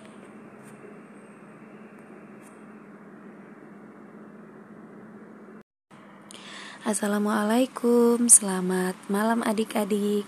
Masih bersama Kak Lail di sini. Kak Lail akan menceritakan dongeng-dongeng dan kisah-kisah seru terbaru. Tapi sebelum itu, yang belum gosok gigi dan berwudu, harap segera diselesaikan terlebih dahulu ya. Kak Lail, tunggu dua menit.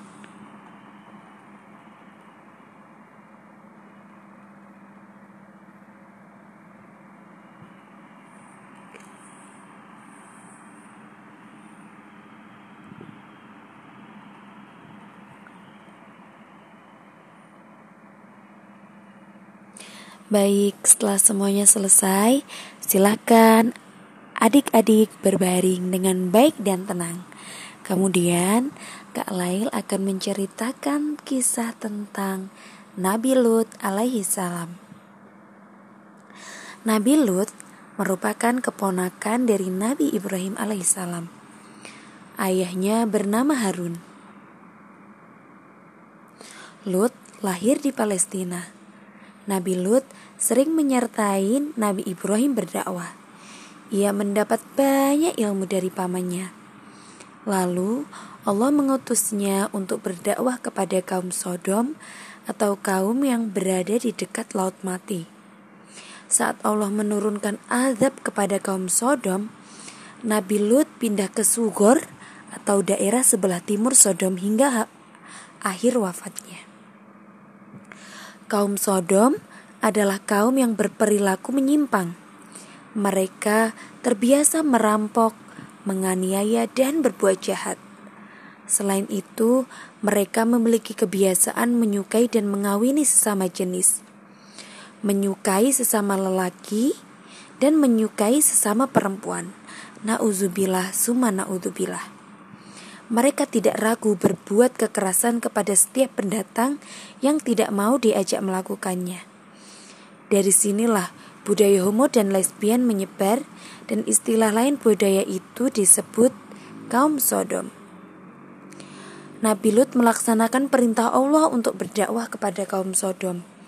Dengan penuh kesabaran, dia terus mengingatkan kaumnya agar meninggalkan perilaku menyimpang tersebut. Di antara perilakunya yaitu homo dan lesbian. Selain itu, Nabi Lut mengingatkan mereka agar tidak lagi melakukan tindak kejahatan seperti merampok dan menganiaya. Akan tetapi, kaum Sodom menentang dakwah Nabi Lut mereka lebih memilih meneruskan perilaku tersebut. Menghadapi sikap kaum Sodom, Nabi Lut mencoba tetap bersabar dan terus berdakwah. Meskipun hasilnya tidak sesuai harapan, Nabi Lut hanya mendapatkan sedikit pengikut. Tetapi Nabi Lut tetap bersabar dan terus menyampaikan perintah Allah. Kebanyakan kaum Sodom menolak dakwah Nabi Lut, Nabi Lut. Mereka berencana mengusir Nabi Lut dan pengikutnya.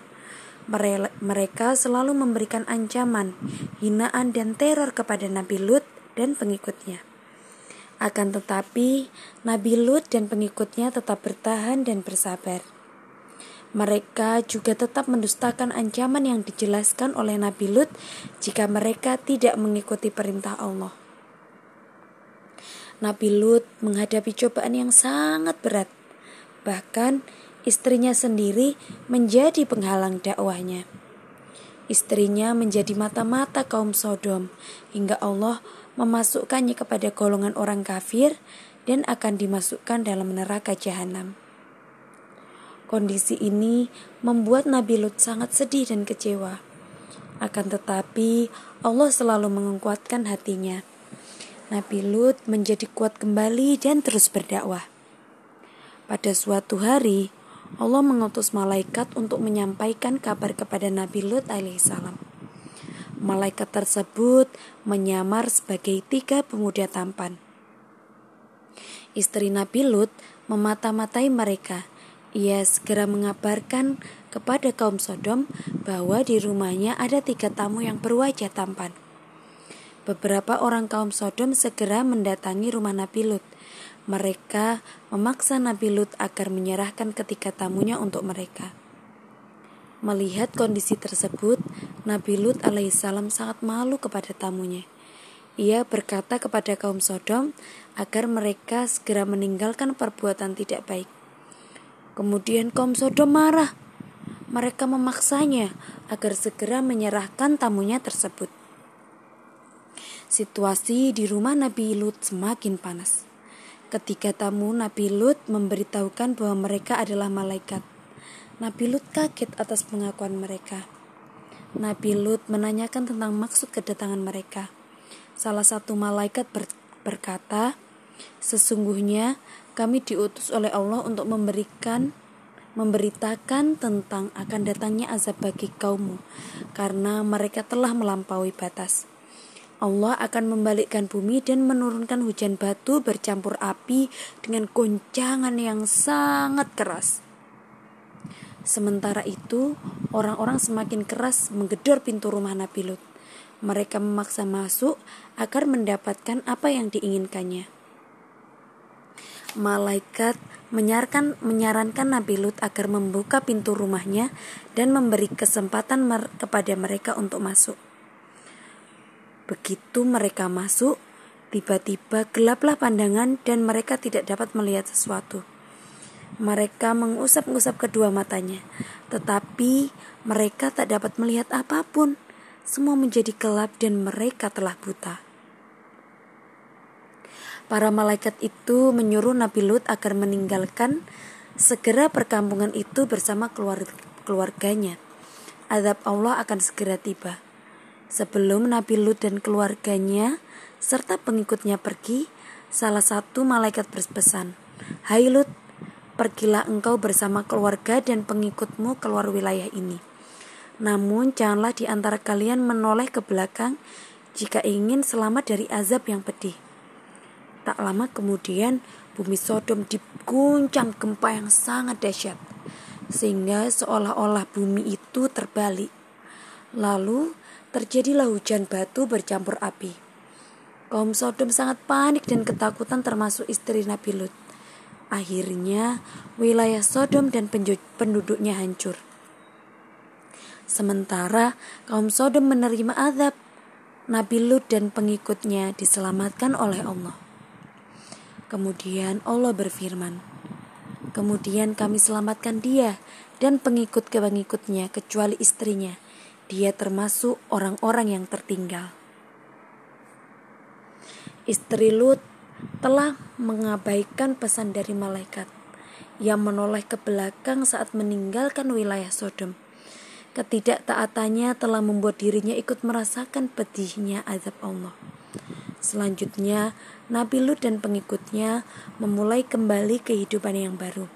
Mereka senantiasa menjalankan ketaatan kepada Allah mereka hidup dengan penuh ketentraman. Nah, pesan moral dan hikmah dari cerita kisah Nabi Lut alaihissalam adalah pertama, kegigihan Nabi Lut alaihissalam berdakwah mengajak kaum Sodom untuk meninggal perilaku yang merusak dan pat yang patut kita jadikan teladan. Yang kedua, cobaan dan rintangan dalam berdakwah bisa datang dari mana pun, termasuk keluarga dekat, seperti yang terjadi kepada Nabi Lut. Istrinya ju justru menjadi penghalang dakwanya. Yang ketiga, sikap membangkang terhadap membangkang terhadap perintah Allah dan tidak mau bertobat dapat menyebabkan manusia tertimpa azab seperti yang menimpa kaum Sodom. Naudzubillah Summa na'udzubillah. Nah, sekian kisah tentang Nabi Lut pada malam hari ini. Tunggu cerita Kak Lail selanjutnya ya. Terima kasih anak-anak, semangat mengaji dan sekolah esok hari. Terima kasih juga anak-anak, kalian hebat hari ini. Sekian dari Kak Lail. Wassalamualaikum warahmatullahi wabarakatuh.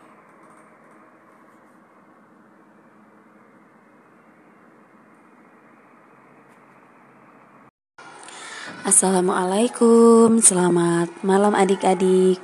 Masih bersama Kak Lail di sini.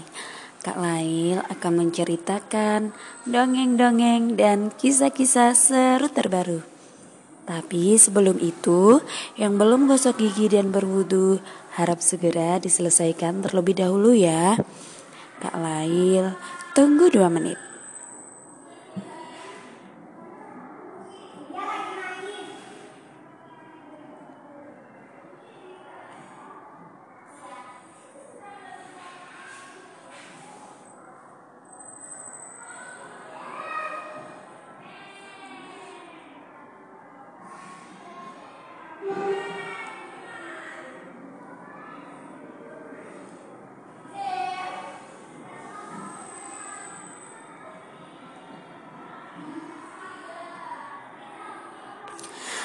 Baik, Setelah semuanya selesai, silakan adik-adik berbaring dengan baik dan tenang.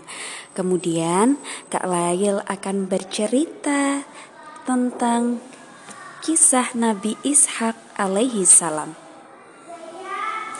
Nabi Ishak merupakan salah satu putra Nabi Ibrahim dari istrinya yang bernama Sarah. Ia lahir di daerah Al-Halil atau Hebron, Palestina. Kelahirannya merupakan anugerah besar bagi Sarah dan Ibrahim.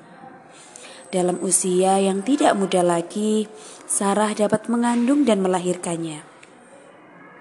Ketika Nabi Ibrahim semakin tua, Ishak diangkat menjadi nabi dan meneruskan dakwah ayahnya. Ishak diutus Allah untuk berdakwah di wilayah Palestina, khususnya daerah Kanan dan Syam. Kemudian beliau wafat di Hebron. Kelahiran Nabi Ishak alaihissalam. Ketika Nabi Ibrahim sudah tua, Istri pertamanya yang bernama Sarah hamil. Sarah sendiri tidak pernah menduga. Istrinya berkata, "Sungguh mengherankan. Apakah aku akan melahirkan anak, padahal aku adalah seorang perempuan tua, dan suamiku pun dalam keadaan yang sudah tua pula." Sesungguhnya ini benar-benar suatu kejadian yang sangat aneh. Kemudian para malaikat pun berkata, Apakah kamu merasa heran tentang ketetapan Allah? Itu adalah rahmat Allah dan keberkatannya. Dicurahkan atas nama kamu. Sesungguhnya Allah maha terpuji lagi maha pemurah.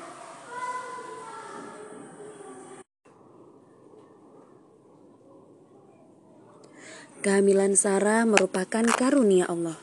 Setelah dilahirkan, bayi itu diberi nama Ishak Ishak termasuk orang terpilih yang telah diberikan anugerah oleh Allah.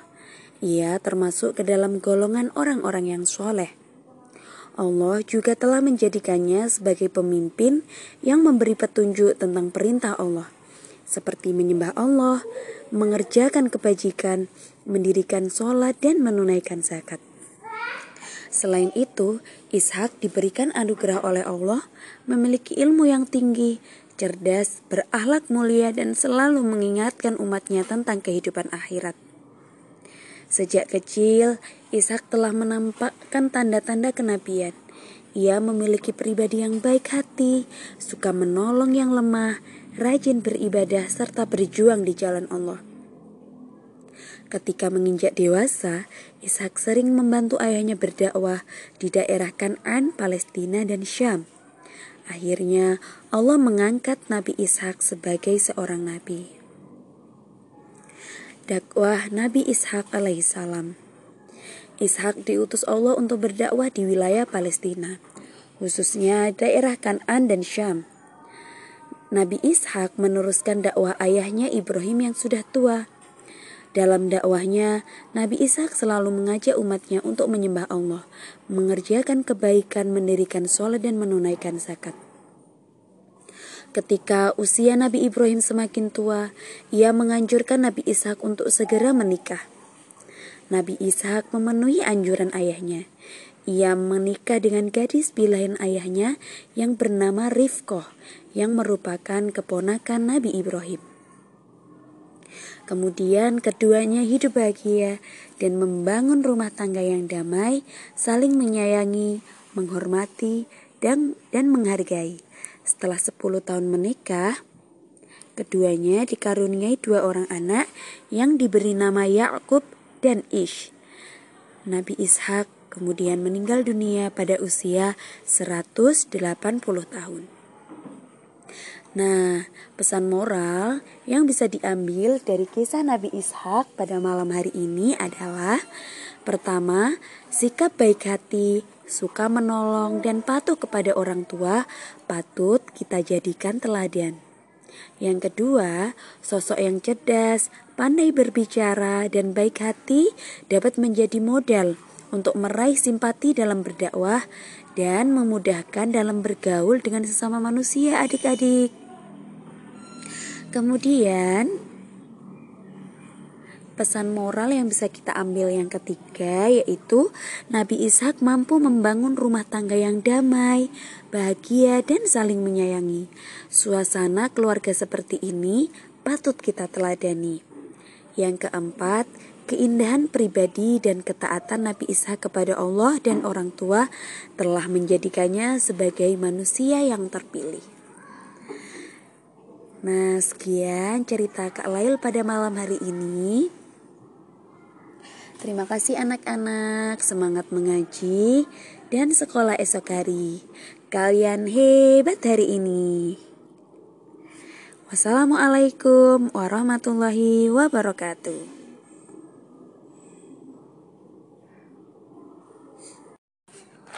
Assalamualaikum, selamat malam adik-adik. Masih bersama Kak Lail di sini. Kak Lail akan menceritakan dongeng-dongeng dan kisah-kisah seru terbaru. Tapi sebelum itu, yang belum gosok gigi dan berwudu, harap segera diselesaikan terlebih dahulu ya. Kak Lail, tunggu dua menit.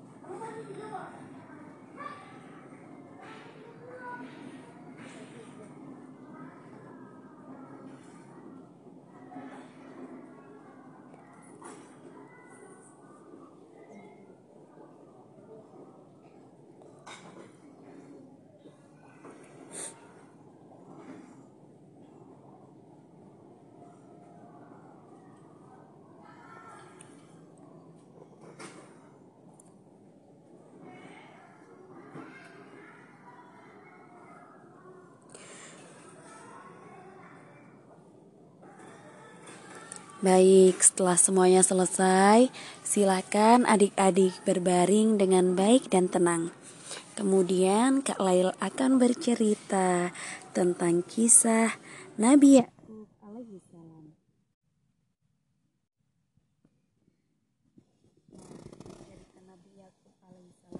Kan Kak Lail ceritakan pada malam hari ini memiliki sejarah dan banyak sekali mengandung pelajaran yang bisa adik-adik ambil.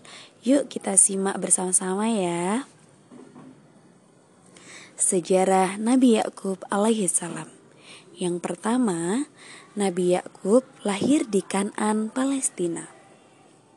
Kemudian Nabi Yakub pindah ke Haran atau Padang Aram di tempat paman dari ibunya yang bernama Laban. Yang ketiga, pindah ke Kanan dan memiliki anak bernama Yusuf dan Bunyamin. Di sanalah ditetapkannya kerasulannya. Kemudian, poin yang keempat, Nabi Yakub diutus ke Syam. Kemudian yang kelima, beliau wafat di Hebron, Palestina. Nabi Yakub adalah putra dari Nabi Ishak alaihissalam. Beliau tinggal bersama pamannya di wilayah Babylon dan menikah dengan kedua putri pamannya. Beliau dikaruniai 12 orang anak dari empat orang istri. Nabi Yakub berdakwah di wilayah Kanan dan Syria. Ia wafat di Hebron.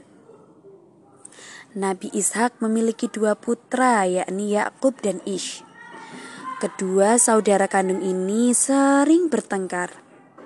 Melihat kondisi tersebut, Nabi Ishak dan istrinya Rifkoh berencana memisahkan keduanya. Ibunya menyarankan Yakub agar mengunjungi pamannya yang bernama Laban. Pamannya tinggal di wilayah Babylon Irak dan kemudian Nabi Yakub menyetujuinya. Nabi Yakub berangkat menuju Irak. Sesampai di sana, ia diterima dengan baik oleh pamannya. Laban memiliki kepribadian yang sangat baik. Ia dikenal sebagai orang kaya yang baik hati, suka menolong, dan dermawan. Kemudian Nabi Yakub dijadikan anak angkat Laban. karena ia tidak memiliki anak laki-laki Laban, hanya memiliki dua anak perempuan bernama Laya dan Rahel.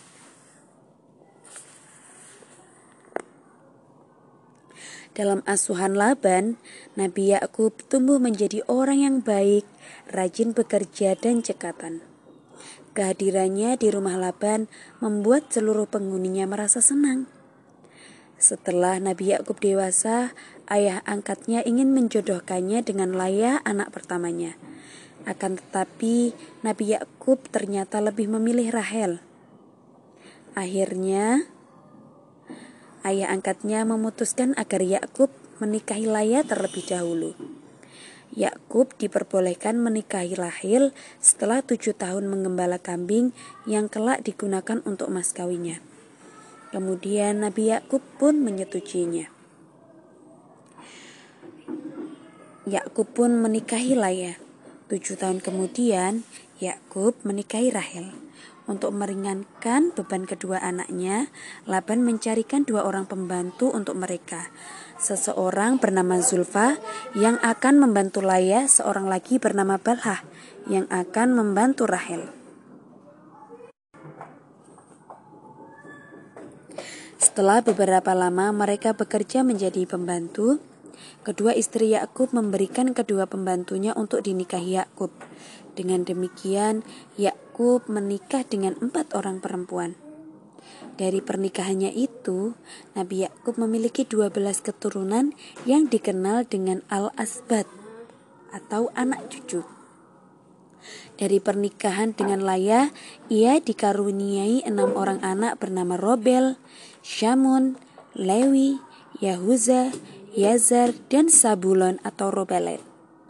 Dari Rahel, ia memiliki dua orang anak bernama Yusuf dan Bunyamin. Dari Balha, ia dikaruniai dua orang anak bernama Dan dan Neftalia. Dari Zulfa, ia dikaruniai dua orang putra, yaitu Jad dan Ashir. Nabi Yakub dianugerahi Allah memiliki sifat baik hati, dermawan, dan suka menolong sesama.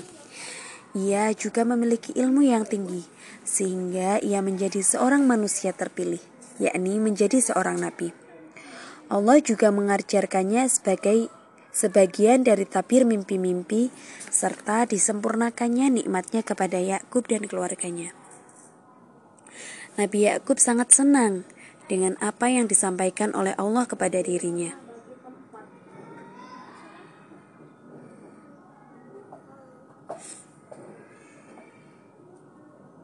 Kemudian Allah menjadikan Nabi Yakub sebagai pemimpin yang memberi petunjuk kepada umatnya agar selalu taat terhadap perintah Allah dan melaksanakan kebaikan. Nabi Yakub memiliki kekuatan fisik dan stamina yang luar biasa. Ia juga memiliki semangat dan pantang menyerah yang kelak akan diwariskan kepada anak keturunannya yang disebut Bani Israel. Karena Yakub sendiri sering disebut dengan nama Israel. Allah mengangkat Nabi Yakub sebagai nabi karena ia memiliki beberapa keistimewaan. Di antaranya memiliki ilmu yang tinggi, akhlak yang baik, dan semangat yang kuat dalam berdakwah. Ketika beliau diangkat menjadi nabi, Yakub menjadi nabi yang kaya raya dan tetap memiliki kepribadian baik serta ilmu yang tinggi. Kelebihannya tersebut banyak digunakan untuk menyelesaikan masalah kemanusiaan, seperti memberi bantuan kepada orang yang terkena musibah, fakir miskin, dan orang-orang tertindas. Dalam dakwahnya, Nabi Yakub selalu menyerukan kepada umatnya agar mengerjakan kebaikan, saling membantu sesama, dan menunaikan sholat. Menunaikan zakat, selalu menyembah hanya kepada Allah Subhanahu wa Ta'ala. Nabi Yakub berdakwah dengan memberikan contoh agar peduli terhadap persoalan-persoalan kemanusiaan. Nah, perbuatan yang mulia yang dilakukan Nabi Yakub rupanya banyak menimbulkan rasa simpati bagi orang-orang sekitarnya. Oleh karena itu, banyak orang yang mau mengikuti ajakan untuk berdakwah di jalan Allah. Pesan moral dari cerita kisah Nabi Yakub alaihissalam yang bisa kita ambil yaitu pertama, Sosok Nabi Yakub menjadi mandiri, ulet, cerdas, dan memiliki kebaikan hati serta suka menolong layak kita jadikan contoh dengan sifat-sifat dengan memiliki sifat-sifat tersebut, kita akan mudah bergaul dan disukai banyak orang. Hal itu dapat menjadi modal yang kuat dalam berdakwah. Yang kedua, memiliki ilmu yang tinggi dan menggunakannya untuk kebaikan merupakan contoh yang dapat kita tiru adik-adik dari sikap Nabi Yakub tersebut. Yang ketiga, amal soleh yang dilakukan oleh Nabi Yakub seperti mempergunakan hartanya untuk membantu orang lain merupakan contoh nyata dakwah dengan perbuatan yang dapat membangkitkan sikap peduli terhadap orang lain kepada sesamanya. Nah, sekian cerita tentang Nabi Yakub pada malam hari ini. Tunggu kisah-kisah Kak Lail terbaru lainnya ya adik-adik. Terima kasih kalian sudah semangat. Dalam mengaji dan belajar. Semangat juga untuk esok hari. Terima kasih anak-anak, kalian hebat hari ini. Sekian dari Kak Lail. Wassalamualaikum warahmatullahi wabarakatuh. Assalamualaikum, selamat malam adik-adik. Masih bersama Kak Lail di sini. Kak Lail akan menceritakan dongeng-dongeng dan kisah-kisah seru terbaru. Tapi sebelum itu, yang belum gosok gigi dan berwudu, harap segera diselesaikan terlebih dahulu ya. Kak Lail tunggu dua menit.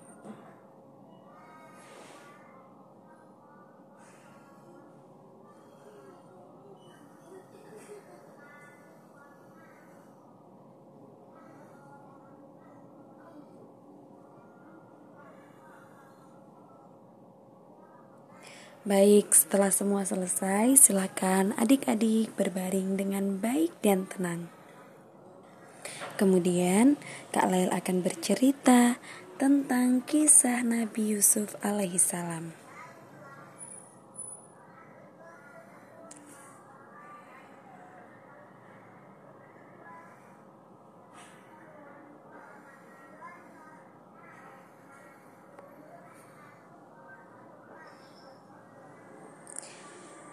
Nabi Yusuf alaihissalam adalah Nabi Allah dari kaum Bani Israel. Beliau adalah putra dari Nabi Yakub dan Rahel. Di antara kedua belas saudara Nabi Yusuf, hanya punya Min yang saudara sekandungnya.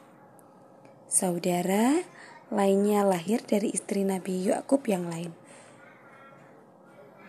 Al-Quran mengabadikan kisah hidup Nabi Yusuf sebagai kisah terbaik yang patut dijadikan suri tauladan kita semua.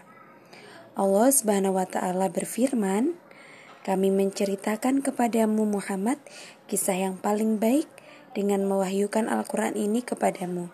Dan sesungguhnya engkau sebelum itu termasuk orang yang tidak mengetahui. Kisah Nabi Yusuf alaihissalam adalah kisah tentang seorang yang sanggup melawan hawa nafsunya sendiri dan sanggup mema memaafkan orang-orang yang telah berbuat jahat terhadap dirinya. Kesabaran dan ketaatan beliau terhadap Allah Subhanahu wa taala membuatnya dianugerahi keistimewaan dan diangkat derajatnya oleh Allah Subhanahu wa taala. Adik-adik, apakah kalian tahu apa keistimewaan atau mukjizat yang diberikan Allah Subhanahu wa taala kepada Nabi Yusuf? Nah, jika belum tahu, dengarkan cerita Kak Lail selanjutnya ya. Nabi Yusuf dibuang ke dalam sumur. Dibandingkan anak-anaknya yang lain, Nabi Yakub menaruh perhatian lebih kepada Nabi Yusuf dan Bunyamin. Hal itu karena sifat Nabi Yusuf dan Bunyamin sangat berbeda dengan saudaranya-saudaranya yang lain. Perhatian khusus yang ditunjukkan Nabi Yakub kepada Yusuf dan Bunyamin ini pun dirasakan oleh putra-putranya yang lain. Hai saudara-saudaraku, kata putra tertua Nabi Yakub kepada saudaranya yang lain. Apakah kalian merasa bahwa ayahanda kita lebih sayang terhadap Yusuf dan Bunyamin dibanding kepada kita, terutama terhadap Yusuf? Benar, kata saudaranya yang lain serempak. Rupanya ayahanda kita sangat pemilih kasih. Ucapnya dengan penuh semangat. Dia mencoba menghasut saudara-saudaranya yang lain. Apakah kita akan diam saja dengan perlakuan tidak adil ini? Sebenarnya tidak, tapi apa yang bisa kita lakukan? Kata saudaranya yang lain menjawab. Kita harus melakukan sesuatu, ucap putra tertua dengan tegas. Memangnya apa yang akan kamu lakukan? Tanya saudaranya yang lain. Apakah kalian mau tahu apa rencanaku? Kata putra tertua itu. Tentu saja jawab mereka penasaran. Kemarilah, ajaknya. Mereka semua berkumpul, mendekat, dan mendengarkan rencana si putra tertua. Hah? Apa kamu yakin akan melakukannya? Tanya mereka. Mata mereka terbelalak, tak percaya dengan rencana yang dibuat saudara tertua mereka kepada Yusuf. Hanya ini cara yang bisa kita lakukan agar ayahanda kembali menyayangi kita seperti dulu sebelum Yusuf lahir dan hadir di tengah-tengah kita, ucap putra tertua. Hmm, tapi saudara-saudaranya yang lain merasa lagu. Tak perlu tapi, Potong putra tertua Nabi Yakub itu. Aku tahu keraguan kalian itu. Percayalah, asal kita semua bersatu, kita pasti akan mampu melaksanakan rencana itu. Kemudian, putra-putra Nabi Yakub itu membuat rencana jahat terhadap adik mereka sendiri, yaitu Yusuf. Ya, mereka ingin menyingkirkan Nabi Yusuf untuk selama-lamanya. Hari yang ditentukan pun tiba. Mereka sudah siap dengan tipu daya yang akan mereka lakukan terhadap Nabi Yakub ayahanda mereka. Mereka meminta izin kepada Nabi Yakub untuk mengajak Yusuf bermain di hutan. Tidak, jawab Nabi Yakub cemas. Aku khawatir kalian nanti akan lalai dan Yusuf dimangsa binatang buas. Dengan berbagai cara, mereka berusaha meyakinkan Nabi Yakub bahwa mereka akan menjaga adiknya Yusuf. Bagaimana kami akan membiarkan Yusuf dimangsa binatang buas ayahanda, sementara kami semua bersaudara, ucap putra tertua. Ketika akhirnya Yusuf diizinkan ikut bermain bersama mereka di hutan, mereka sangat amat senang. Mereka lalu melanjutkan rencana mereka. Di suatu sumur tua, mereka melemparkan Yusuf kecil ke dalamnya. Setelah itu, mereka cepat-cepat pulang seraya menangis terseduh-seduh di hadapan ayahanda mereka. Maafkan kami, ayah. Yusuf dimangsa binatang ketika kami semua sedang asyik bermain. Isak mereka, dengan tentu saja mereka hanya berpura-pura menangis. Mereka bahkan menunjukkan baju Yusuf yang koyak dan berlumur darah sebagai bukti, padahal itu semua tipu daya mereka mereka telah melumuri baju Yusuf itu dengan darah binatang. Nabi Yakub sangat terguncang saat mendengar berita tentang Yusuf. Nabi Yakub pun merasa kesedihan yang amat mendalam selama bertahun-tahun. Bahkan mata beliau menjadi buta karena terlalu sering menangis. Namun Allah Subhanahu wa taala menyelamatkan Nabi Yusuf. Yusuf tidak tenggelam dalam sumur itu. Dia masih hidup hingga kemudian dia berhasil keluar dari dalam sumur. Ia mengaitkan dirinya pada tali yang diculurkan seorang pedagang. Rupanya, pedagang itu sedang kehausan dan berusaha menimba air sumur itu. Hah? Teriak pedagang itu. Dia kaget ketika melihat apa yang didapatnya dari dalam sumur. Anak siapa ini? Gurnam Pedagang itu sambil mengucuk-ngucuk. Maksudnya, gumam pedagang itu sambil mengucak-ngucak matanya berkali-kali. Ia mengamati Yusuf dengan sesama. Wah, taman sekali bocah ini. Pedagang itu pun segera membawa Yusuf ke Mesir dan menjualnya dengan harga yang sangat mahal. Karena harga yang sangat mahal, orang-orang tak sanggup membayarnya. Akhirnya, seorang pembesar kerajaan Mesirlah yang membeli Yusuf dan membawanya pulang ke rumah.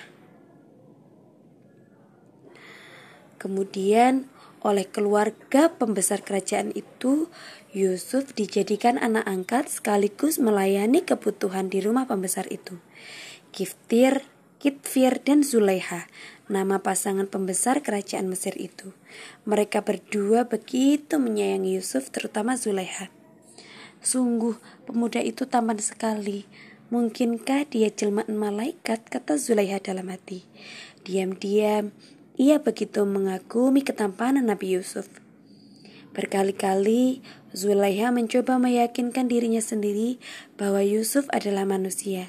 Tapi ia masih tetap tidak percaya ada manusia setampan Yusuf. Siang dan malam, Zulaiha tak henti memikirkan Yusuf. Rupanya, rasa kekaguman Zulaiha kepada Yusuf sudah amat tinggi. Ia pun tak bisa lagi menahan bujuk rayu setan. Pada suatu kesempatan, Zulaiha merayu dan memaksa Yusuf melakukan perbuatan tercela terhadap dirinya. Tidak, demi Allah, jangan paksa aku melakukan perbuatan tercela ini, kata Yusuf. Ia mencoba menolak sekuat tenaga.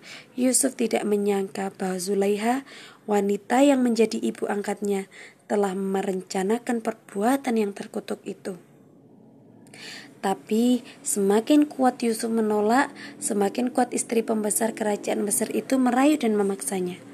Apalagi mereka hanya berdua saja di dalam kamar. Keadaan di sekitarnya juga sangat sepi.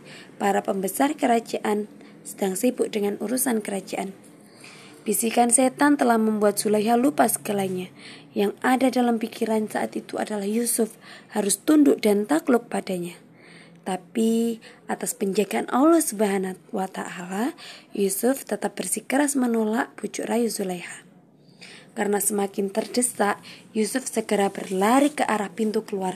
Tapi Zulaiha mengejar dari belakang dan mencengkram baju bagian belakang Yusuf hingga robek. Pada saat itulah Zulaiha muncul di suami Zulaiha muncul di depan pintu. Ada apa ini? Tanyanya dengan geram sekaligus penasaran. Zulaiha yang tak ingin disalahkan suaminya dengan cepat mencari alasan. Lihatlah suamiku, ujarnya sambil meririk ke arah Yusuf. Anak angkat kita ini hendak melakukan perbuatan tercela terhadap istrimu ini. Dia benar-benar tidak tahu berterima kasih. Meski Kitfir merasa ada yang aneh dan tidak percaya sepenuhnya kepada istrinya, tapi dia tetap menghukum Yusuf. Hal ini terpaksa ia lakukan untuk melindungi nama baik keluarganya. Yusuf pun akhirnya mendekam dalam penjara. Selama di penjara, Yusuf semakin mendekatkan diri kepada Allah Subhanahu wa taala. Meski ia tak bebas, tapi Yusuf sama sekali tidak merasa sedih. Yusuf justru bersyukur karena Allah telah menyelamatkan dirinya dari perbuatan yang tercela. Di penjara itulah Allah Subhanahu wa taala memberikan anugerah yang luar biasa kepada Yusuf, yaitu kemampuannya menafsirkan mimpi. Dengan kemampuannya itu, Yusuf telah menyelamatkan kerajaan Mesir dari kelaparan akibat kemarau yang sangat panjang. Hal itu bermula ketika pada suatu malam Raja Mesir yaitu Raja Aroyan bermimpi dalam memimpinya ia melihat tujuh ekor sapi gemuk-gemuk muncul dari sungai dan merumput di padang rumput tak jauh dari sungai itu. Tak lama kemudian muncul tujuh ekor sapi kurus-kurus dari sungai. Ketujuh sapi itu segera bergabung merumput bersama tujuh ekor sapi gemuk-gemuk. Tapi tiba-tiba Ketujuh ekor sapi kurus itu memakan tujuh ekor sapi gemuk. Hah? Mimpi apa tadi? Raja Aroyan tersentak dan terbangun dari tidurnya. Dia terjenung sejenak, lalu kembali tidur. Namun, rupanya mimpi itu berlanjut. Kali ini, Raja Mesir itu melihat tujuh bulir gandum yang segar di sebuah batang kayu dan tujuh bulir, bulir gandum kering di sebuah batang kayu yang lain. Sama dengan mimpinya sebelumnya, tujuh bulir gandum kering ini memakan habis tujuh bulir gandum yang segar. Raja Aroyan tersentak dan membangun, terbangun lagi dari tidurnya. Sungguh mimpi yang aneh ujarnya. Ini tentu sebuah pertanda, bukan mimpi biasa. Aku harus harus tahu apa makna mimpi ini batinnya. Pagi-pagi sekali, Raja Aroyan memerintahkan para ahli nujum dan orang sakti kerajaan untuk berkumpul. Raja Aroyan menyuruh mereka untuk menafsirkan mimpinya, tapi tak ada satupun yang tahu apa makna mimpi itu. Ampun Raja, kami sama sekali tak mampu menafsirkan mimpi Paduka, jawab para ahli nujum dan orang sakti kerajaan.